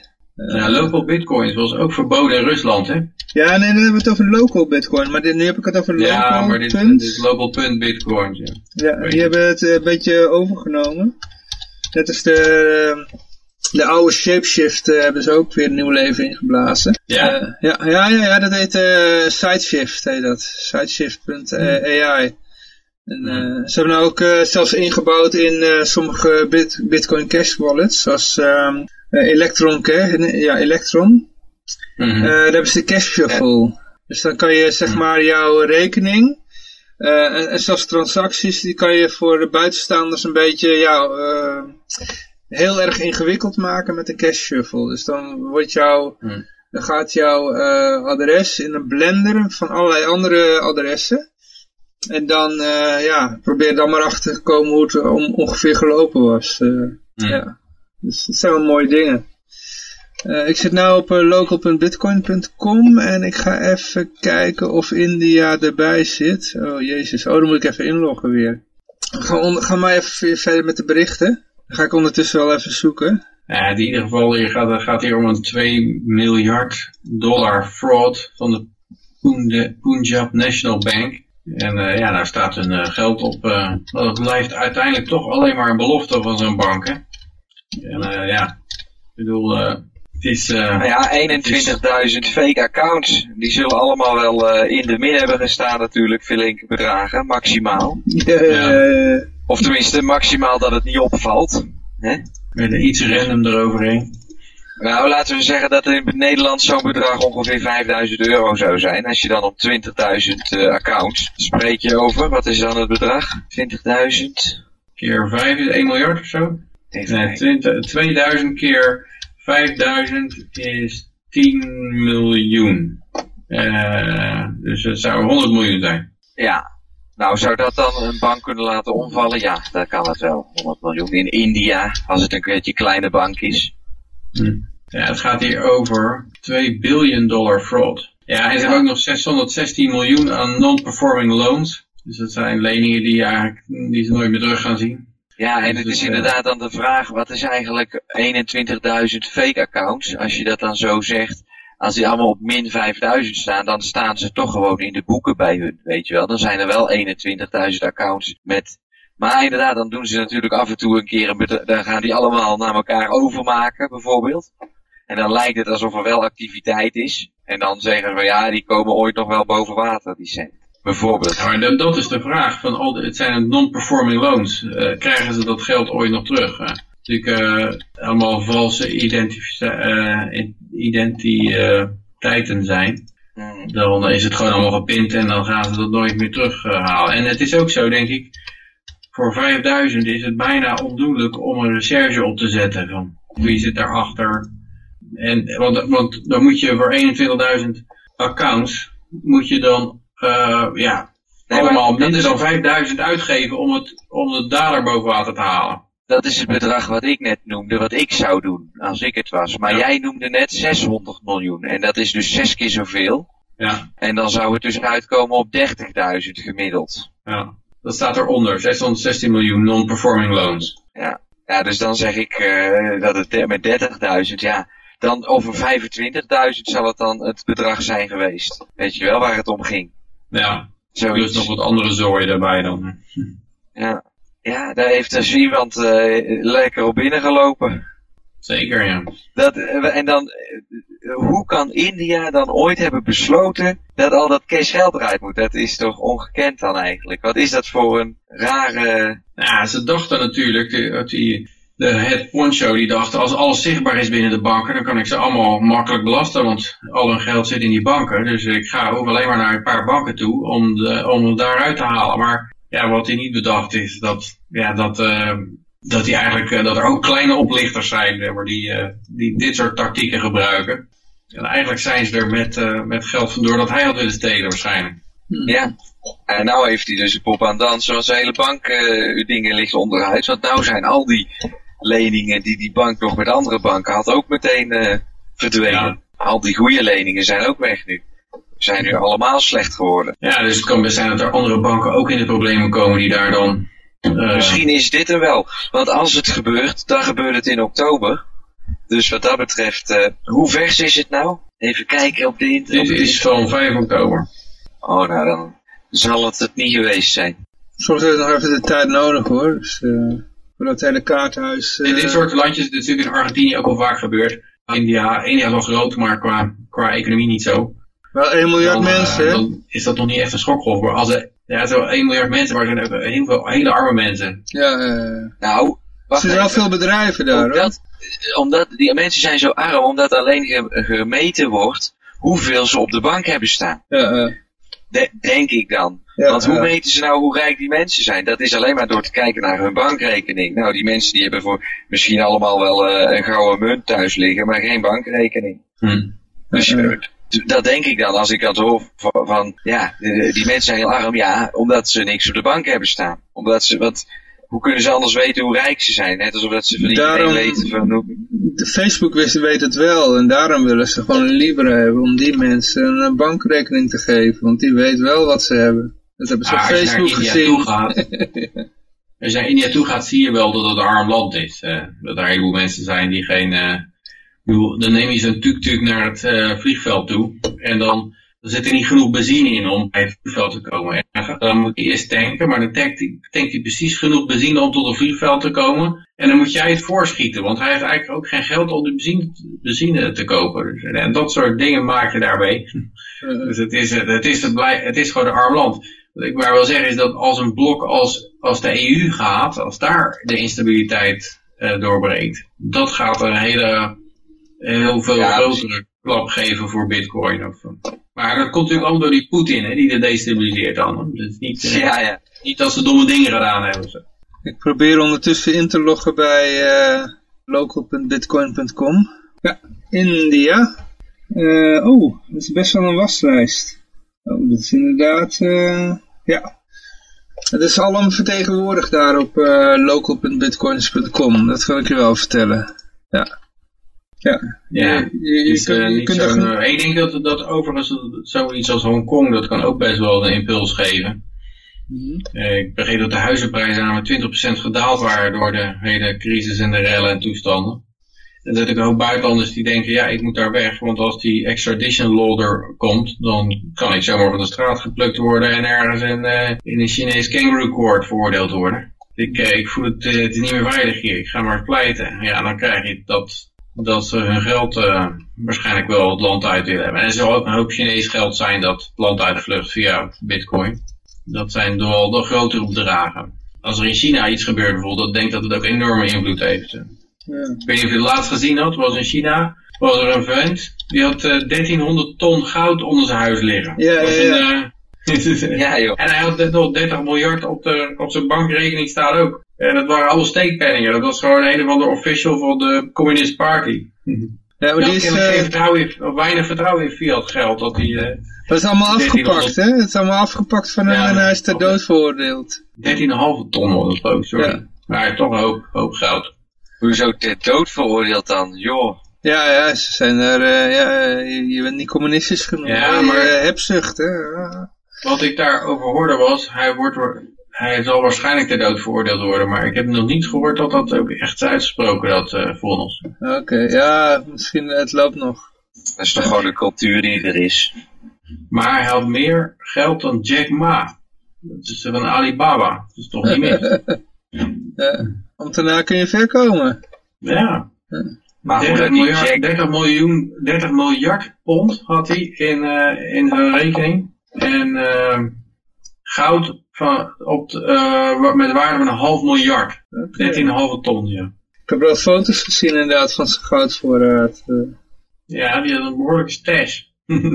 jongen, jongen. Ja, ik zit net een filmpje te kijken. Maar eh, ja, laten we nog even verder gaan met de berichten. Oh ja, hadden Venezuela hadden we nog. De centrale bank van Venezuela slaat bitcoins in. Eh, het is eigenlijk al een beetje een oud bericht, het was van eh, eind september. Is van twee weken geleden. Het is een beetje aan onze neus voorbij gegaan, maar eh, we, laten, we doen hem even alsnog. Ja, ze hadden natuurlijk al een eigen crypto op de markt gebracht in Venezuela, de overheid. De Petro... eh, Oh, ho, Ja, ho, Petro, Maduro, hè, Maduro deed dat. Het congres was het er niet mee eens. Ja. Het is een projectje van eh, Maduro. En het, eh, Ja, want eigenlijk zeiden ze dat is de forward sales of olie en gas eigenlijk. Want dan ga je zeggen van nee, deze crypto, dat, daar, eh, die zitten aan olie gekoppeld. En, maar dat moet nog uit de grond gehaald worden, ja, die op olie. Ja. Ja, dus dat, hij kan die crypto's al uitgeven. En daar kan hij al lekker van gaan feesten, van het geld. Ja. Het is nog niet eens bekend Maar of die- er een eh, blockchain is. Maar die ontvangers van die crypto, die, als die hun olie komen ophalen over vijf jaar, dan is het misschien wat anders. Ja. En die, moet, die is dan verplicht om die olie voor niks uit de grond te halen, terwijl Maduro al eh, er een feestje van gegeven heeft.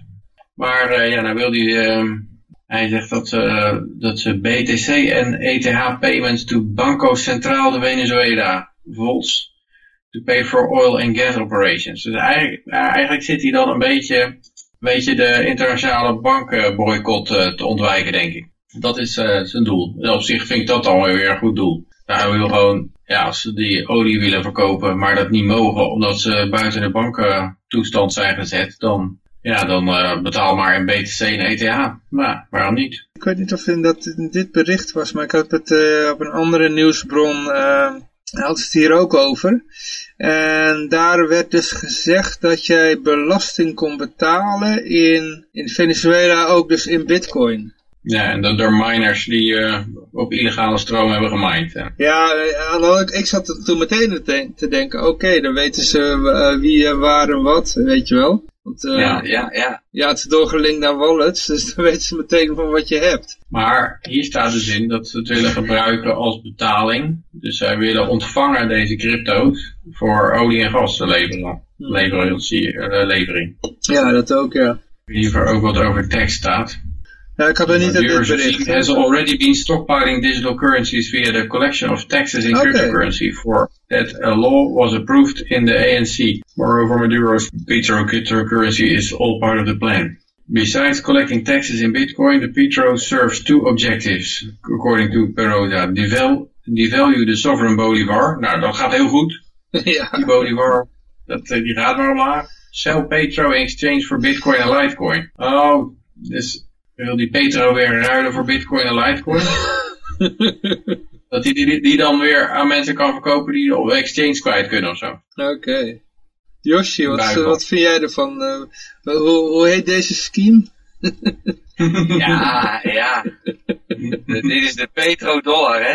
Ja, dat is een shitcoin, je maakt een shitcoin. En, eh, een shitcoin die eh, gebaseerd is op allerlei beloftes. En eh, waar je, je, degene na jou, die zit ermee. En Ja, ja, ja. ja, oké.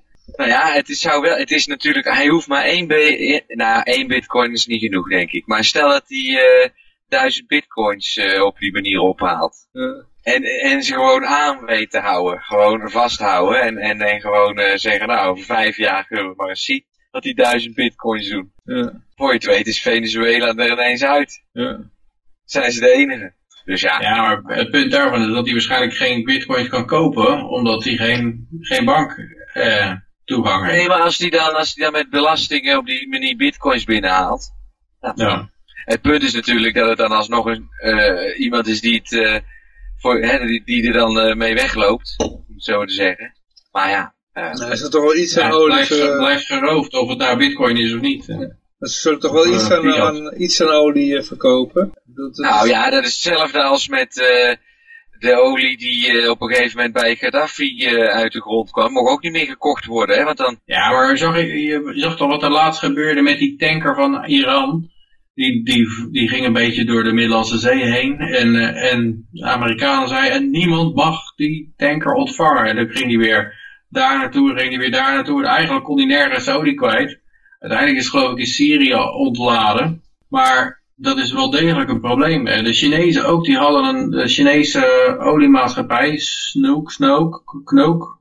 Die had een, wilde een 5 miljard project met Iran doen over gas. En dat was eh, heel erg... eh, nou, de Chinezen willen natuurlijk dolgraag zaken doen met de Iranezen. En die laten zich over het algemeen niet eh, lastigvallen door Amerikanen die vervelend erover doen. En wat er gebeurde was eh, dat ze er toch van af moesten zien, omdat ze bankingproblemen zouden krijgen. Dus die, die Chinese oliemaatschappij die was bang voor de bankproblemen die ze zouden krijgen als ze toch met Iran zaken zouden doen, wat eh, Amerika verboden heeft. Dus het is echt wel lastig om onder die bankrekening uit te komen. Ik neem aan dat die lui best wel gemotiveerd zijn om dat te doen. Ja, ja. En die olietanker, die, eh, ja, die, die, eh, die was ook wel helemaal op driften. Ja, maar we hebben niet zoveel tijd meer en nog maar een paar berichtjes. Dus ik, eh, ik ga er nog even doorheen rennen. Even kijken, we gaan even naar de huisdieren toe. Het was een heel opvallend Ja, dat bericht. is een mooie. Honden- en kattenschaamte. Inderdaad, er staat hier bij, eh nou, het gaat over, eh, het is tijd voor honden- en kattenschaamte. Dus eh, ze willen dat eh, er in de Verenigde Staten zijn huisdieren verantwoordelijk voor een derde van de vleesconsumptie. Eh, dus eigenlijk wordt er gekeken, die, die, die, eh, de veestapel halveren is niet voldoende. Die huisdieren moeten eraan. Mensen en dieren in Nederland zorgen voor een vol land. Bij bi- dieren wordt aan een boerderij gedacht, maar vergeet niet de rol van huisdieren. Martin Sommers haalde in de Volkskrant onlangs een afgelast bouwproject aan de rand van het Haagse Natura 2000 duingebied aan. Niet in het duingebied, maar ernaast. Dat mocht niet, want er was berekend dat die in die 100 appartementen gemiddeld 30 honden zouden komen wonen. Die honden zouden poepen, waardoor de stikstofnorm in het duingebied zou worden overschreden. Oh, jezus. Nee joh. Dus, dus er wordt gewoon een appartementencomplex niet gebouwd, omdat ze verwachten dat er 30 honden in komen te leven en die zouden poepen en dan zou de stikstofnorm overschreden worden. Oh jezus, dat Zo. moet echt niet gekker worden. Ja, door stikstof is niet het enige probleem. Vliegschaamte was al een thema geworden vanwege de CO2-uitstoot. Die vormt de schaduwkant van vleesproductie. Veeteelt veroorzaakt daarnaast uitstoot van broeikasgassen, namelijk in de vorm van onder meer methaan van herkauwers. Ammoniakuitstoot van vee verzuurt en verarmt bovendien de natuurgebieden. Last but not least, bossen worden gekapt voor de productie van veevoer en er is extra land en water nodig voor vee. Ja, dat is al niet zo, want die bossen worden gekapt om in de energiecentrale te gooien, dat je je Tesla kan opladen. Dat, dat is waarom die bossen gekapt worden. En, en ik zie nou, als ik naar mijn werk rijd, kom ik door landbouwgebied heen. En wat me opvalt is dat het voorheen stond het helemaal vol gezet met mais. Maar nou staat het niet meer vol met mais. Er zit een, een heel grote rand aan de zijkant die wordt eh, leeggelaten. Er zal ook wel weer een of andere overheidsmaatregel achter zitten. Ja, huisdieren zijn voor een groot gedeelte van dit probleem verantwoordelijk. Voor de VS is vastgesteld dat honden en katten goed zijn voor bijna een derde van de vleesconsumptie. Dat aandeel dreigt nog hoger te worden. Niet door meer honden en katten, maar omdat hen, we hen wil- willen voorzetten wat wij zelf ook eten. Biefstuk in plaats van separatorvlees. En, eh, en de Amerikaanse? Spijt me. Heel eventjes, ik heb een ander belletje, dus ik ga heel Oh. even ophangen. Ik vond het weer gezellig, graag volgende week Ja, weer. leuk dat je er En was. allemaal nog even Bitcoin Cash en Spice naar Johan sturen. Dan. En egels kopen, Oké. hè, egels kopen. En, en één guldens kopen inderdaad, ja. hartstikke goed. Ah, Oké, Doei, doei. Doei. Jo. Ja, dan staat hier wel, eh, Ja? er is, eh, ja, dus, dus mensen willen hun hond ook biefstuk geven en zo. En de, en de Amerikaanse huisdieren zouden evenveel vlees eten als alle Fransen bij elkaar. Oh man. En eh, nou ja, dat is dus allemaal heel vreselijk.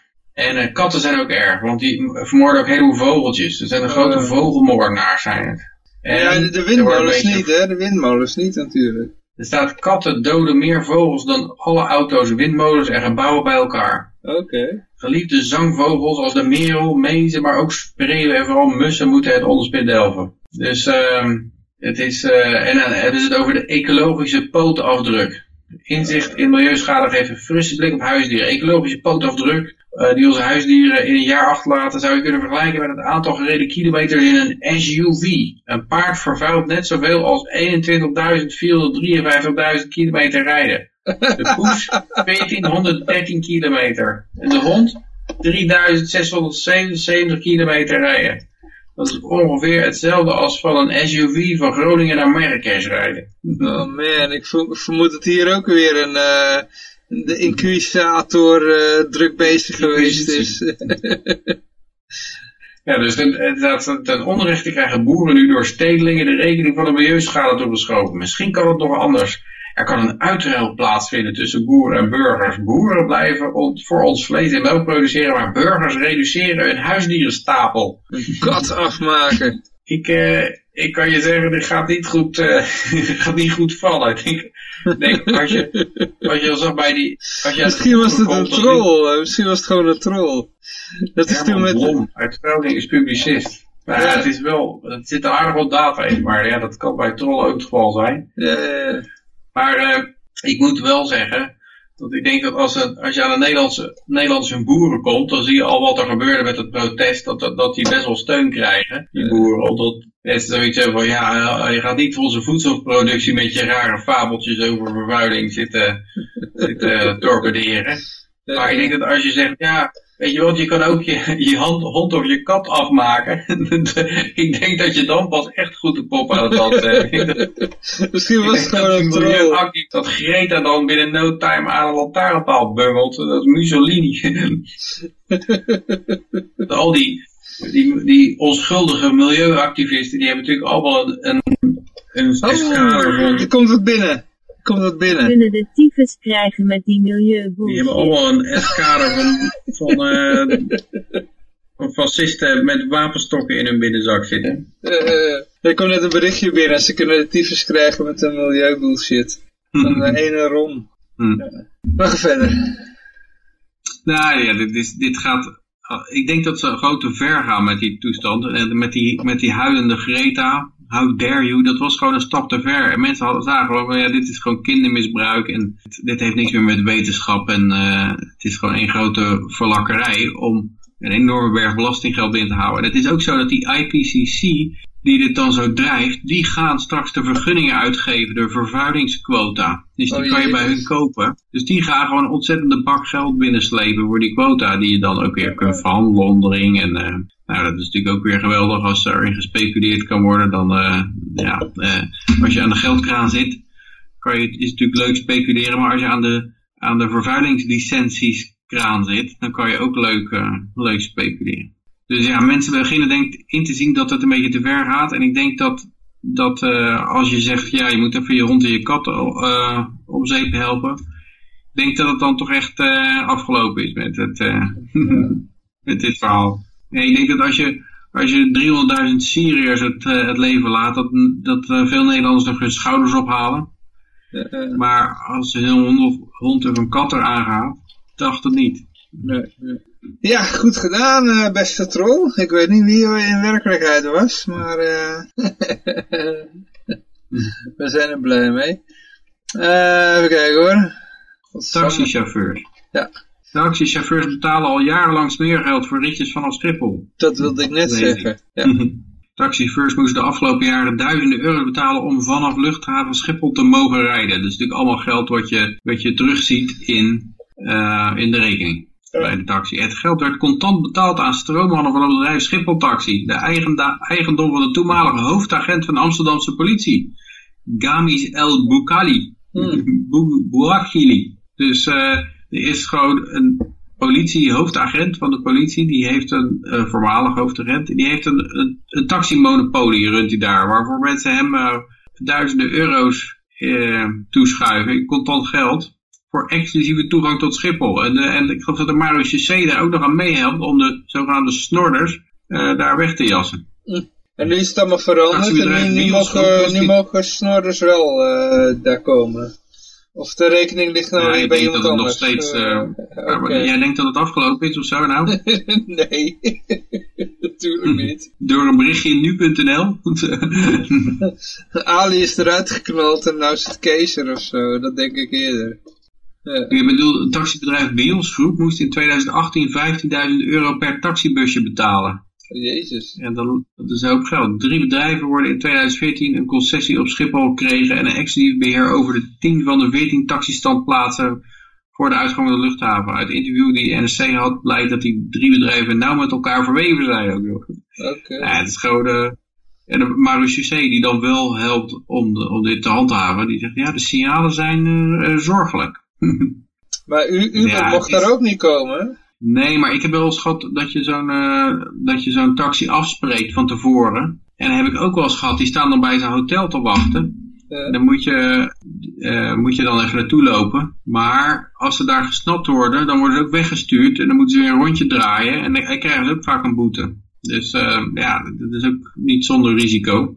Dus het is, ja, het is natuurlijk een gigantisch monopolie en daarom is het zo duur en uh, het geld. Maar er zitten ook gewoon politieagenten bij, dus uh, nou, die zijn gewend met monopolies. Die hebben zelf ook een monopolie. Als politie had ik ook een monopolie. Dus uh, waarom als taxi niet? Hm? Ik snap het niet.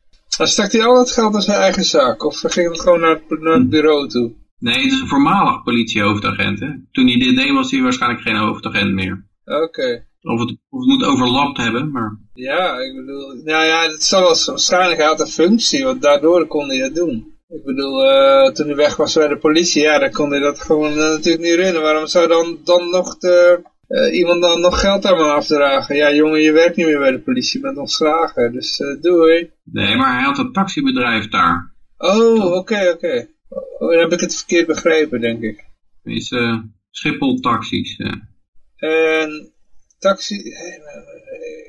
Okay. Kijk, die, chauffeurs, namelijk die chauffeurs, die hebben bij de politie en bij de Belastingdienst afgelopen jaren diverse malen melding gemaakt van contante betalingen. Dus die chauffeurs die geven dat door. Dus ze, ze weten dat eigenlijk dat dat, dat, dat daar gebeurt.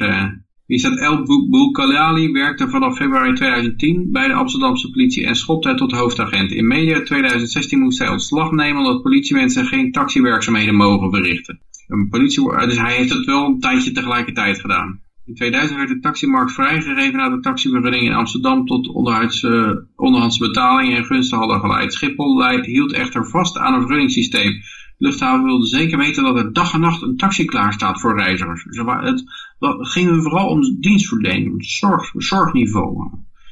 Ja, maar vergunningen staan die taxis daar ook klaar, want die weten gewoon, er komen mensen ja, ja. daar aan. Ik bedoel, heb je geen vergunning, heb je geen vergunning of nodig.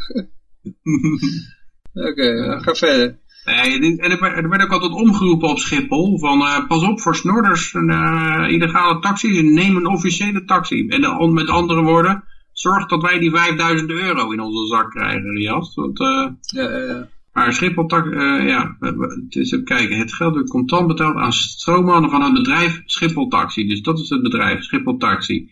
En dat bedrijf Schiphol Taxi, dat is eigendom van de toenmalige hoofdagent van de Amsterdamse politie. Ja. Dus hij was hoofdagent, toen is hij erbij gaan taxi rijden, toen moest hij ontslag nemen als hoofdagent. Toen heeft hij zich helemaal in het taxibedrijf gegooid. En, en iedereen betaalt hem nou geld voor een vergunning. Oké. Ja, Maar heeft hij waarschijnlijk dat, alleen, dat, dat recht heeft hij waarschijnlijk afgedwongen omdat hij toen agent was. Ja. Waarschijnlijk inza- inzage had in een bepaalde data of zo, waardoor hij iemand onder druk kon zetten. Ik, ik weet niet, maar... Hoe heeft hij het geschopt van agent tot, eh, tot Bo Big Bobo daar in de taxibusiness? Ja, waarschijnlijk had hij eh, bepaalde kennis, nou ja, dat gok ik dan, had hij bepaalde kennis, waardoor hij iemand onder druk kon zetten. Ja. Om Ja. zo dat alleenrecht te kunnen krijgen. Ja, lijkt mij hoor, maar... Ja, het was niet helemaal alleen recht. Er waren ook drie bedrijven die het hadden. Maar die, zijn, die, die zijn dan, blijken dan bij onderzoek heel nauw verbonden met elkaar te zijn. Er zijn wel drie bedrijven, maar zijn eigenlijk is één neefje en zijn andere neefje. ja, dat is zoiets. ja. zoiets. Uiteindelijk heeft hij daar toch gewoon een heel... Maar als hij vriendjes bij de politie heeft, dan kan je natuurlijk wel voor elkaar krijgen dat je de rest eruit mapt of zo. Ja. Tot te ver gezocht. We zullen het waarschijnlijk nooit ik weten. We zullen het waarschijnlijk nooit weten. Ja, dit soort dingen kan wel eens op tafel komen. denk ik. Ja. Misschien wel. baan. Ja. Maar eh, ja, we gaan even kijken naar het eh, laatste bericht. Nog een bericht. Ja, het houdt niet op, niet vanzelf. Even kijken. ehm, ja, dat is dan echt eh, het laatste bericht. Ehm, acht arrestaties bij illegale sigarettenfabriek. Ja, Ja, dat vind ik toch altijd wel... Ja, ze hebben natuurlijk de prijzen heel erg op, omhoog gejast. En het kan nog veel hoger. Ik geloof dat ze in Australië of zo... hoorde ik dat je 25 dollar betaalt voor een pakje sigaretten. bijna hier is Zweedse prijzen. Eh, Bijna, ja, Zweden, Hmm. Noorwegen. Ja, ik Ja, weet dat niet. betekent eigenlijk dat je altijd een slof moet meenemen daar als je, de belast, als je, de, als je dat zo'n land bezoekt. Om, eh, om daar een goede winst te maken. Ja, Je moet ja, heel ja. blij te maken. Maar eh, ja, het hadden eh 71 dozen met 10.000 kilo ruwe tabak. Dus ene, op een of andere manier krijgen ze ook ruwe tabak aangeleverd. Kunnen ze dat voor elkaar krijgen? Ik had een vraag waar, waar dat dan geproduceerd wordt. Dat kan je makkelijk over de grens krijgen. Ruwe tabak is geen probleem, maar het is, eh, wanneer- zodra het eh, bewerkt is, Dus je haalt 10.000 kilo ruwe tabak, eh rij je mee over de grens en dan zeggen ze, oh, zo, ah, ik weet niet wat je ermee gaat doen, maar Ja, zolang ja. het ruwe tabak is, is het oké. Ja, en dan, dan, kan je het dan kan je thuis even bewerken. Dat is wel het moeilijkste proces. Maar dan En- volgen die waarschijnlijk wel, want ze weten ook wat er gaat gebeuren natuurlijk met die ruwe tabak. ja, het kan ook voor andere dingen gebruikt worden namelijk. Hè? Dus, Nou, in ieder geval, alle eh, machines, sigaretten worden afgevoerd en vernietigd. En tabak ook. ja, ja, dat moeten wij geloven. Mhm. Wordt dus niet verkocht, Johan, begrijp je dat goed? Nee, nee, nee. Niet op die dark websites van eh, de politie. Zeker Als ze dat doen, als ze dat doen, dan doen ze dat alleen om slechterikken te vormen. Te lokken. Ja. Net zoals dat ze een pedofiele website runnen, alleen om pedofielen te vormen. Ja, ja, ja. ja. Ja, Maar eh, mooi ja, geweest. Ja, dus, ja, we zullen het hierbij laten. Ik wil in ieder geval eh, iedereen die geluisterd heeft en degenen die deelgenomen hebben aan dit alles hartelijk danken. En uiteraard zijn we de volgende week weer. Ik wens iedereen een vrolijke en vooral heel erg vrije week toe. En ik zou zeggen, toedeledokie! Als het goed is, komt hier de eindtune. Ja, daar komt de eindtune. Oh, het is een idee, hoppakee. Oh, wacht, hij stond nog op de... Oh. Ik even onze gezichten tonen aan het einde van de uitzending. Ja, oké, dat was het dan. Hoppakee.